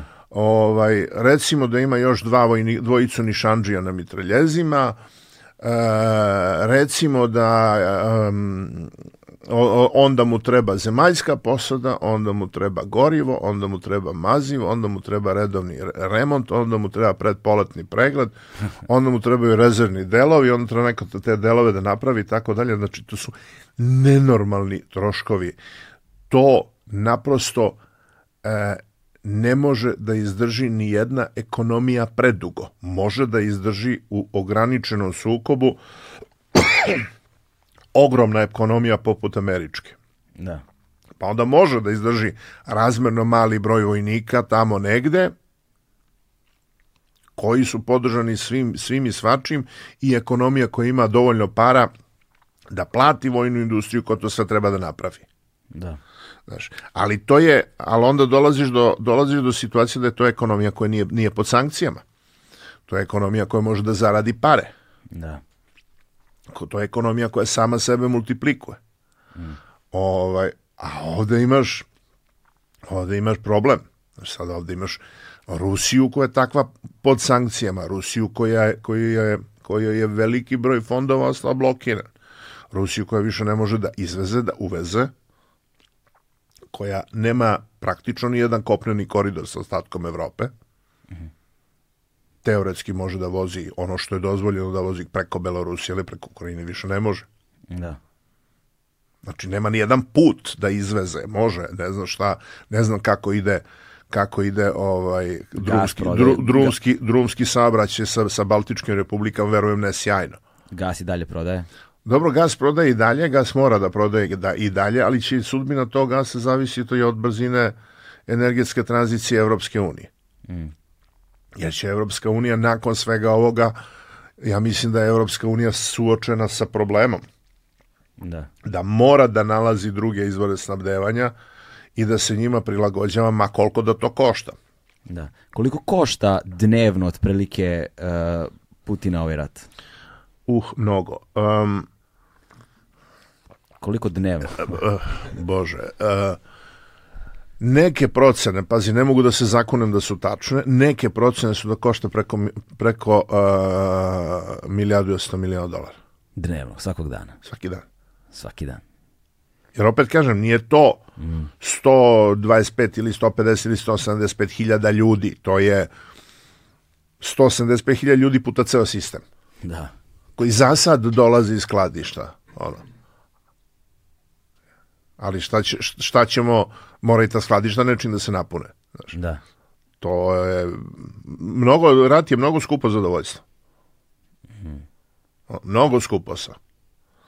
I u modern rad se ulazi ili da ga završiš brzo ili da u njega ne krećeš.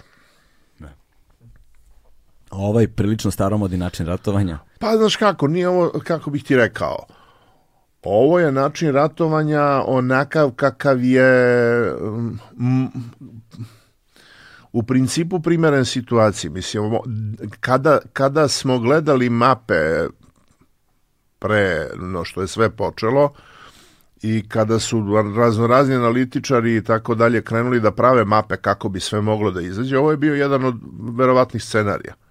Znaš, mislim, sve je ovo što se dešava na terenu prilično blizu pameti. Da. Ovaj, kako to može da izgleda. Postojale su neke, ono, e, ne znam ni ja, alternative, da li će, kada su jednom zauzeli Melitopolj, koja je važna raskrsnica, da li će da okrenu levo i uzbrdo ovaj, da odu na krivi rog ili će da nastave pravo ovaj, ka Marijupolju, nastavili su pravo ka Marijupolju, e, a na krivi rog idu tek sad. Da. Znaš.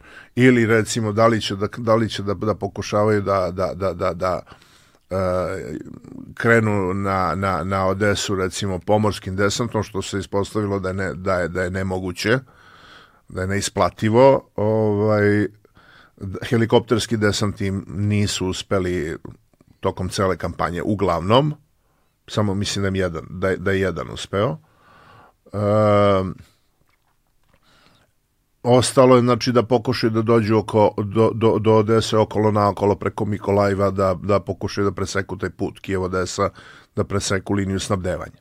Uh -huh. Znaš, ovaj, tako da sve ti to, sve ovo što, što se vidi na mapama, sve to manje više bilo pred Da, ali vidljivo, recimo tu znaš. ima sad još nekih elemenata o kojima prosječan čovek uh, bi verovatno trebalo da ima nekog iskustva da bi mogao da razmišlja na taj način. Primera radi, uh, kada smo govorili, rekao si mi da su Rusi na, na, računali na, uh, na mraz, koji se nije desio. Sad pazi, da li su oni računali na mraz? Um, oni su, pa nisu ni oni, znaš, nisu ni oni e, ljudi ludi, oni da. vide vremensku prognozu, znaš. Da. Ono, baš kao i mi. Uglavnom, izdala ih je zima, u smislu da nije bilo dovoljno hladno i da oni sve vreme imaju problem sa kretanjem van putnih komunikacija. Mm -hmm. Sad negde je suvo, sad je već prosušilo malo, ali ono, bilo je dovoljno sad ovih par nedelja što je posljednje dve nedelje, deset dana u stvari, padao neki sneg tamo, dovoljno je da padne još jedna kiša da se sve pretvori u blatište koje je duboko metar. Da. Ono, u koje tenkovi tonu do kupole. I onda sa njima imaju dosta, dosta vozila koja su zaglavljene u blatištima. Pa imaš, no, ono... Kako se zove ta blatišta? To se zove Rasputica. Rasputica. Da. To je blato koje je zaustavilo i Napoleona i 41. Hota i Manštajna. Ne. I sada same Ruse. pa, daš. Ovaj, do, imaš, znaš, imaš problem taj da je ovaj kompletno napredovanje iz pravca Belorusije usporeno iz dva razloga. Jedan je što prolazi kroz poleske šume koje su močvara, a drugi je što prolazi kroz zonu isključenja u Černobilu. Da, da, da. Znaš, a, imaš, imaš problem taj što ovaj, Ukrajinci jako dobro koriste, uspešno koriste bespilotne letilice. Sada evo vidim da su da, da, da idu vesti da će da dobiju te takozvane kamikaze dronove, odnosno tu ovaj um, municiju koja je odnosno dronove koji nose eksplozivno punjenje koje patroliraju tokom određenog vremena na, odre, na određenoj distanci i onda se i onda gađaju odabrani cilj ili se vraćaju u bazu. Mm. Ovaj. Pa sada evo vidim da, da, da, idu, da idu razgovori oko toga da Ukrajinci dobiju od Slovaka ili Čeha već od koga da dobiju dodatne baterije raketa S-300. E, ispostavilo se da su protivtenkovske rakete i Javelin i ovaj NLAV jako korisne protiv tenkova i da recimo 112 upotrebljenih Javelina da su da je valjda 100 pogodilo, što je fantastičan, ovaj, fantastičan uspeh o, za takav tip oružja. Da. Znaš, sve to sad, znaš, i, i, i na Rusima je sada da, da vide kako će oni da se prilagode konfliktu i šta će da rade dalje. Da, I gde će da izvuku sredstva za, to, za toliko skup rat? Ako će da pa, potre tako dugo. Pa, pored ostalog, znaš, ima da. je danas kreditni rating, da li je Standard Poor's ili, ili, ili, ili Fitch, uh, uglavnom kreditni rating im je na stepenu iznad uh, bankrota. -hmm. Da. Ovaj, s druge strane, uh, kako, kako sad Ukrajinci ono, uspevaju da odolevaju ovako dobro i ovako dugo? Pa uspevaju da odolevaju ovako dobro i ovako dugo sad. Uh, šta znači jako dobro, jako dugo. Da. A, to je rekao, ne znam ko je to rekao, mislim da li ministar odbrane juče, ovaj, njihov da, da, ono, mi se branimo, nismo ni mi besmrtni. Da. A, uspevaju da odolevaju onoliko koliko mogu. Mm. Jer se suočavaju sa, nesma, sa nesrazmerno jačom silom. A, uspevaju tako što se brane tako što imaju bolji borbeni moral, to je evidentno.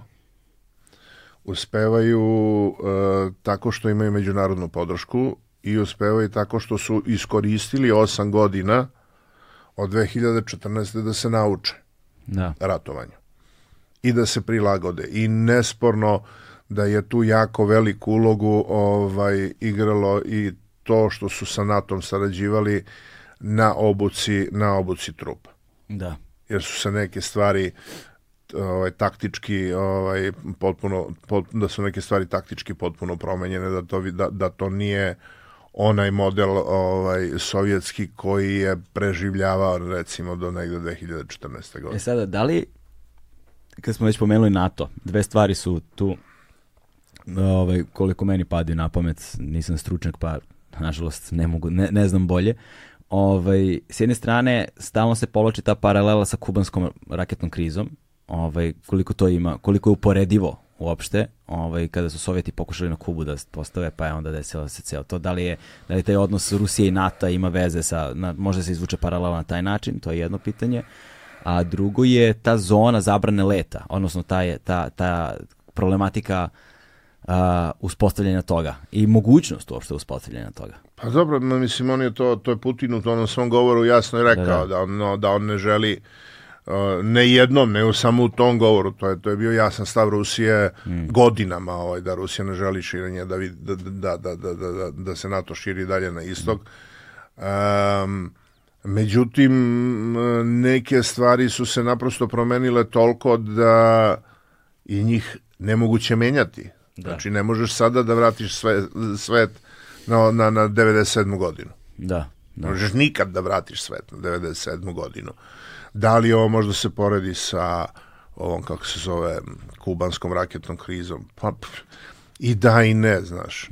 Kubanska raketna kriza nije kulminirala ratom, ovo jeste. Da, Na Kubu su rakete došle, pa su onda vraćene. A, Kuba jeste ostala po sankcijama, dobro. Ali nije bilo, nije bilo rata, ovaj, pre toga je bio zaliv svinja da. ili posle toga. Pre toga. Tu negde. Čak mislim iste godine ili godinu dana ranije. Ovaj, uglavnom, znaš, nije bilo rata. Da.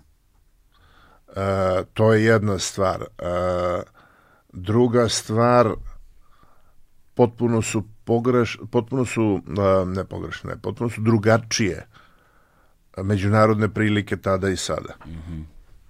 Znači, naprosto svet nije isti. Šta si me beše drugo pitao? Zabra, zona, zabrana A, letenja. zona zabrane leta. E, zona zabrane leta. Pa znaš kako, to mora da pretpostavlja volju NATO pakta, e, odnosno spremnost NATO pakta, da u jednom trenutku mož, može da dođe u situaciju da e, tu zabranu mora da sprovede. A to znači da bi moglo da dođe i do o, direktnog oružanog sukoba između dva vazduhoplova jedne i druge strane, dakle jedne i druge strane. NATO i Sjedinjene države su mnogo puta rekle da oni ne žele da se upuštaju u oružani sukob sa Ruskom federacijom. I postoje države ovaj, NATO pakta, Baltičke republike, tri su tražile zabr zonu zabrane leta, ne vidim da su Sjedinjene države spremne da ovaj, u takav projekat uđu. Da, to bi moglo da znači... To je, to je ono što svi žele da izbegnu. Da, da, da. A pretnja nuklearnim sukobom, koliko je stvarna? Ha, koliko je stvarna. E, stvarno je onoliko koliko su ozbiljne prilike na terenu. Mislim, da, ti imaš ovde zonu zabrana leta, onda bi mogao da imaš mogućnost direktnog sukoba. Ako imaš mogućnost direktnog sukoba, onda imaš mogućnost eskalacije. Ako imaš mogućnost eskalacije, onda imaš mo- mogućnost velikog prodora jedne ili druge strane na drugu stranu, a onda nekome može da padne na pamet, čekaj, daj da ja ovo zaustavim jednom taktičkom nuklearnom ono, od, 10, od, od, od 10 kilotona. I onda krene razmena. E, ne vidim, ne mislim da je to moguće ovaj, u jednom ogromnom, ogromnom procentu. Kažem, uvek postoji, postoji Da. onaj mali ovaj broj na kraju koji, koji je moguć. E, I za sam kraj me zanima ovaj, kako, znaš, sad prosto ono, spekulišemo, dakle, važno ono, kao razmišljamo. Dobro. Šta je potencijalni kraj ovog sukoba? Šta je to što može da, ovaj, da, da, da trigeruje, ne znam, ili da, da ono, navede Putina na to da se, ne znam, povuče ili da zaustavi invaziju, da se rat prosto zaustavi, da se sukob zaustavi? Koji su potencijalni na, re, rešenja? Da. Ja, ja, u ovom trenutku je baš, baš, baš mi je teško da zamislim. Jasno. Vidi, e, svaki rat se završi mirom, bez, bez, bez razlike. Da, da, da. Znači, kraj svakog rata je mir. Da. To je ono. A, šta ovo, koji, koji, su, koji, je mogu, koji su mogući ishodi? Scenariji. Scenariji. Pa imaš dva. E, jedan ti je da strane ostanu beskompromisne do nekog momenta kada će se neko slomiti, što je manje verovatno, i druga je da se ovi da se mirovne inicijative koje traju nastave i da dođu do kompromisa. Šta je kompromis? Ukrajina želi apsolutno međunarodne garancije uključuju Rusiju da će biti ovaj bezbedna. Želi da sačuva vojsku i mornaricu. E, želi garanciju teritorijalne celovitosti. Dakle ruski vojnici koji su ušli u Ukrajinu moraju iz nje da izađu. I onda je sve pitanje dalje političkog procesa. Znači, kako će se Ukrajina odrediti prema Donjevskoj i Luganskoj tamo ovaj, delovima pobunjene oblasti i kako će se odrediti prema Krimu. Da li će oni to, da li će se oni toga odreći, da li će oni to prihvatiti, kako bi tekao taj politički proces, šta bi oni radili, to je već stvar procesa koji će trajati mnogo, mnogo, mnogo dugo. A, što se Rusije tiče, Rusija i dalje ne odstupa od prilično, iako, iako je rekao ovaj, um, su rekli i Mihajlo Podoljak, eh, savjetnik eh, Zelenskog i eh, Kuleba, ministar inostranih dela, da, da je ruska strana već konstruktivnija da pažljivije sluša ukrajinske predloge. Znači oni i dalje insistiraju na, nekavku, na, na, na, nekoj denacifikaciji. Sad mislim koliko je to paradoksalno da se denacifikuje zemlja gde je predsednik Jevrajin čija su a tri brata njegovog oca su ubili nacisti, mislim. Da. Znaš, e, tu stvarno ne znam šta bi rekao dalje. Ovaj, I e, Rusija zahteva demilitarizaciju. Ja ne verujem da će Ukrajina na to da pristane, ne posle svega. E, znači tu negde treba tražiti, tražiti kompromis. Dakle, Ukrajina će vrlo verovatno morati da se odakne NATO pakta kao ovaj, o, o, opcije ono, političke spoljno političke ovaj, opcije. E, ne verujem da će se odreći evropskih integracija mada to ko zna kako i kojim tempom će da ide ako ikada. E, i morat će vrlo verovatno da Ukrajina da neke garancije oko upotrebe ruskog jezika. Odnosno da se ruski jezik vrati u službenu upotrebu što je manje više što je manje više onako m, e, pokazna stvar. Putinu treba nešto ovaj što će moći da što će mu pomoći da spasi obraz i da ponudi sopstvenoj javnosti kao kao kao kao ovaj povod za povod za proslavljanje pobede.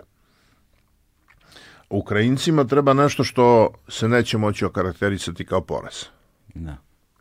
E, sad samo je stvar kako će to da se ovaj Samo. da kako će, Samo. kako će to da se uklopi u okviru procesa kažem ti koji koji evo traje. da, da, da. E sad šta koje su posledice toga? Posledice toga su pričali smo o tome. Znači ostaće jedan jedna zjapeća rupčaga u odnosima dve zemlje koji je pitanje da li će kad biti zatvoren. Znaš, mislim, prvo treba razmišljati o tome da se je ako i jednoga dana dođe do, do, do, do ponovnog uspostavljanja diplomatskih odnosa. Pa dok prvo dođu dok, dok, dok se, pa onda da se naprave trgovinske veze, pa da se naprave, ne znam, trgovinski preferencijali, pa carinske veze, pa mislim, tu ima 300 stvari koje su sada presečene, jednostavno ih nema, ne postoji, morat će se praviti ponovo. A onda je to sve, sve stvar novih pregovora, pa sad pitanje je koliko će obe, stvari, obe strane biti voljne i o tome da pregovaraju i tako dalje. Da, da. A s druge strane, sankcije se lako stavljaju, a... Sankcije se lako stavljaju, ali to se jako, jako teško ukida, posebno ako to radi Sjedinjene države. Da. A, a boga mi je Evropska unija, jer ovaj, za neke stvari, za neke stvari je, je neophodan konsenzus. Mm. Tako da kakva je sudbina Rusije čak i nakon okončanja rata u tom slučaju? E sad, e, vratio bi se na nešto što ovaj, kako, kako bih ti rekao, nažalost imam, do, imam dovoljno godina da, da zapamtim. Da. 95. godine je ovde bio ovaj, general Pavel Gračov u poseti, u tom trenutku mislim da je bio način generalštaba. I na novinarsko pitanje šta očekuje Rusija u nekom srednjeročnom periodu od tadašnje bivše Jugoslavije rekao ništa posebno. Kaže, Rusija planira da se okrene istoku istočnim partnerima. To je bilo 95. godine, mislim, u maju mesecu. E, Rusija će sigurno nastojati da proširi svoju saradnju sa Kinom, Indijom i šta je znam, sa svim tim što postoji na istoku, međutim, taj zaokret će da košta. Mm. Znaš, sad, sve to što je Rusija imala izgrađeno ovaj, e, e, ka zapadu će nekako morati da se, da se, da se izgrađuju tamo na istoku. Znaš. Put od, od, od Moskve do Vladivostoka avionom traje 10 sati. Vozom traje nedelju dana. Znaš, mislim, to je onako. Da. Samo, samo, samo o tome treba razmišljati, znaš. Da. Eto. To je to. Hvala ti puno ovaj, na, na vremenu. Tebi. Hvala ti puno na vremenu, strpljenju, dobroj volji, divnom razgovoru, gomili informacija. Ovaj, I jel planiraš da se vraćaš nazad? Ja ne znam, čekaj, vidjet ću. Možda, da, ako me pozovu, vratit ću se, pazi. Je li Goran otišao tamo? E, ne, mislim da nije još. Moram se, sad ću da ga okrenem da, da vidim. Ajde, važi. Hvala ti puno još jednom. Stigli smo do samog kraja. To je to. Ćao. Ćao.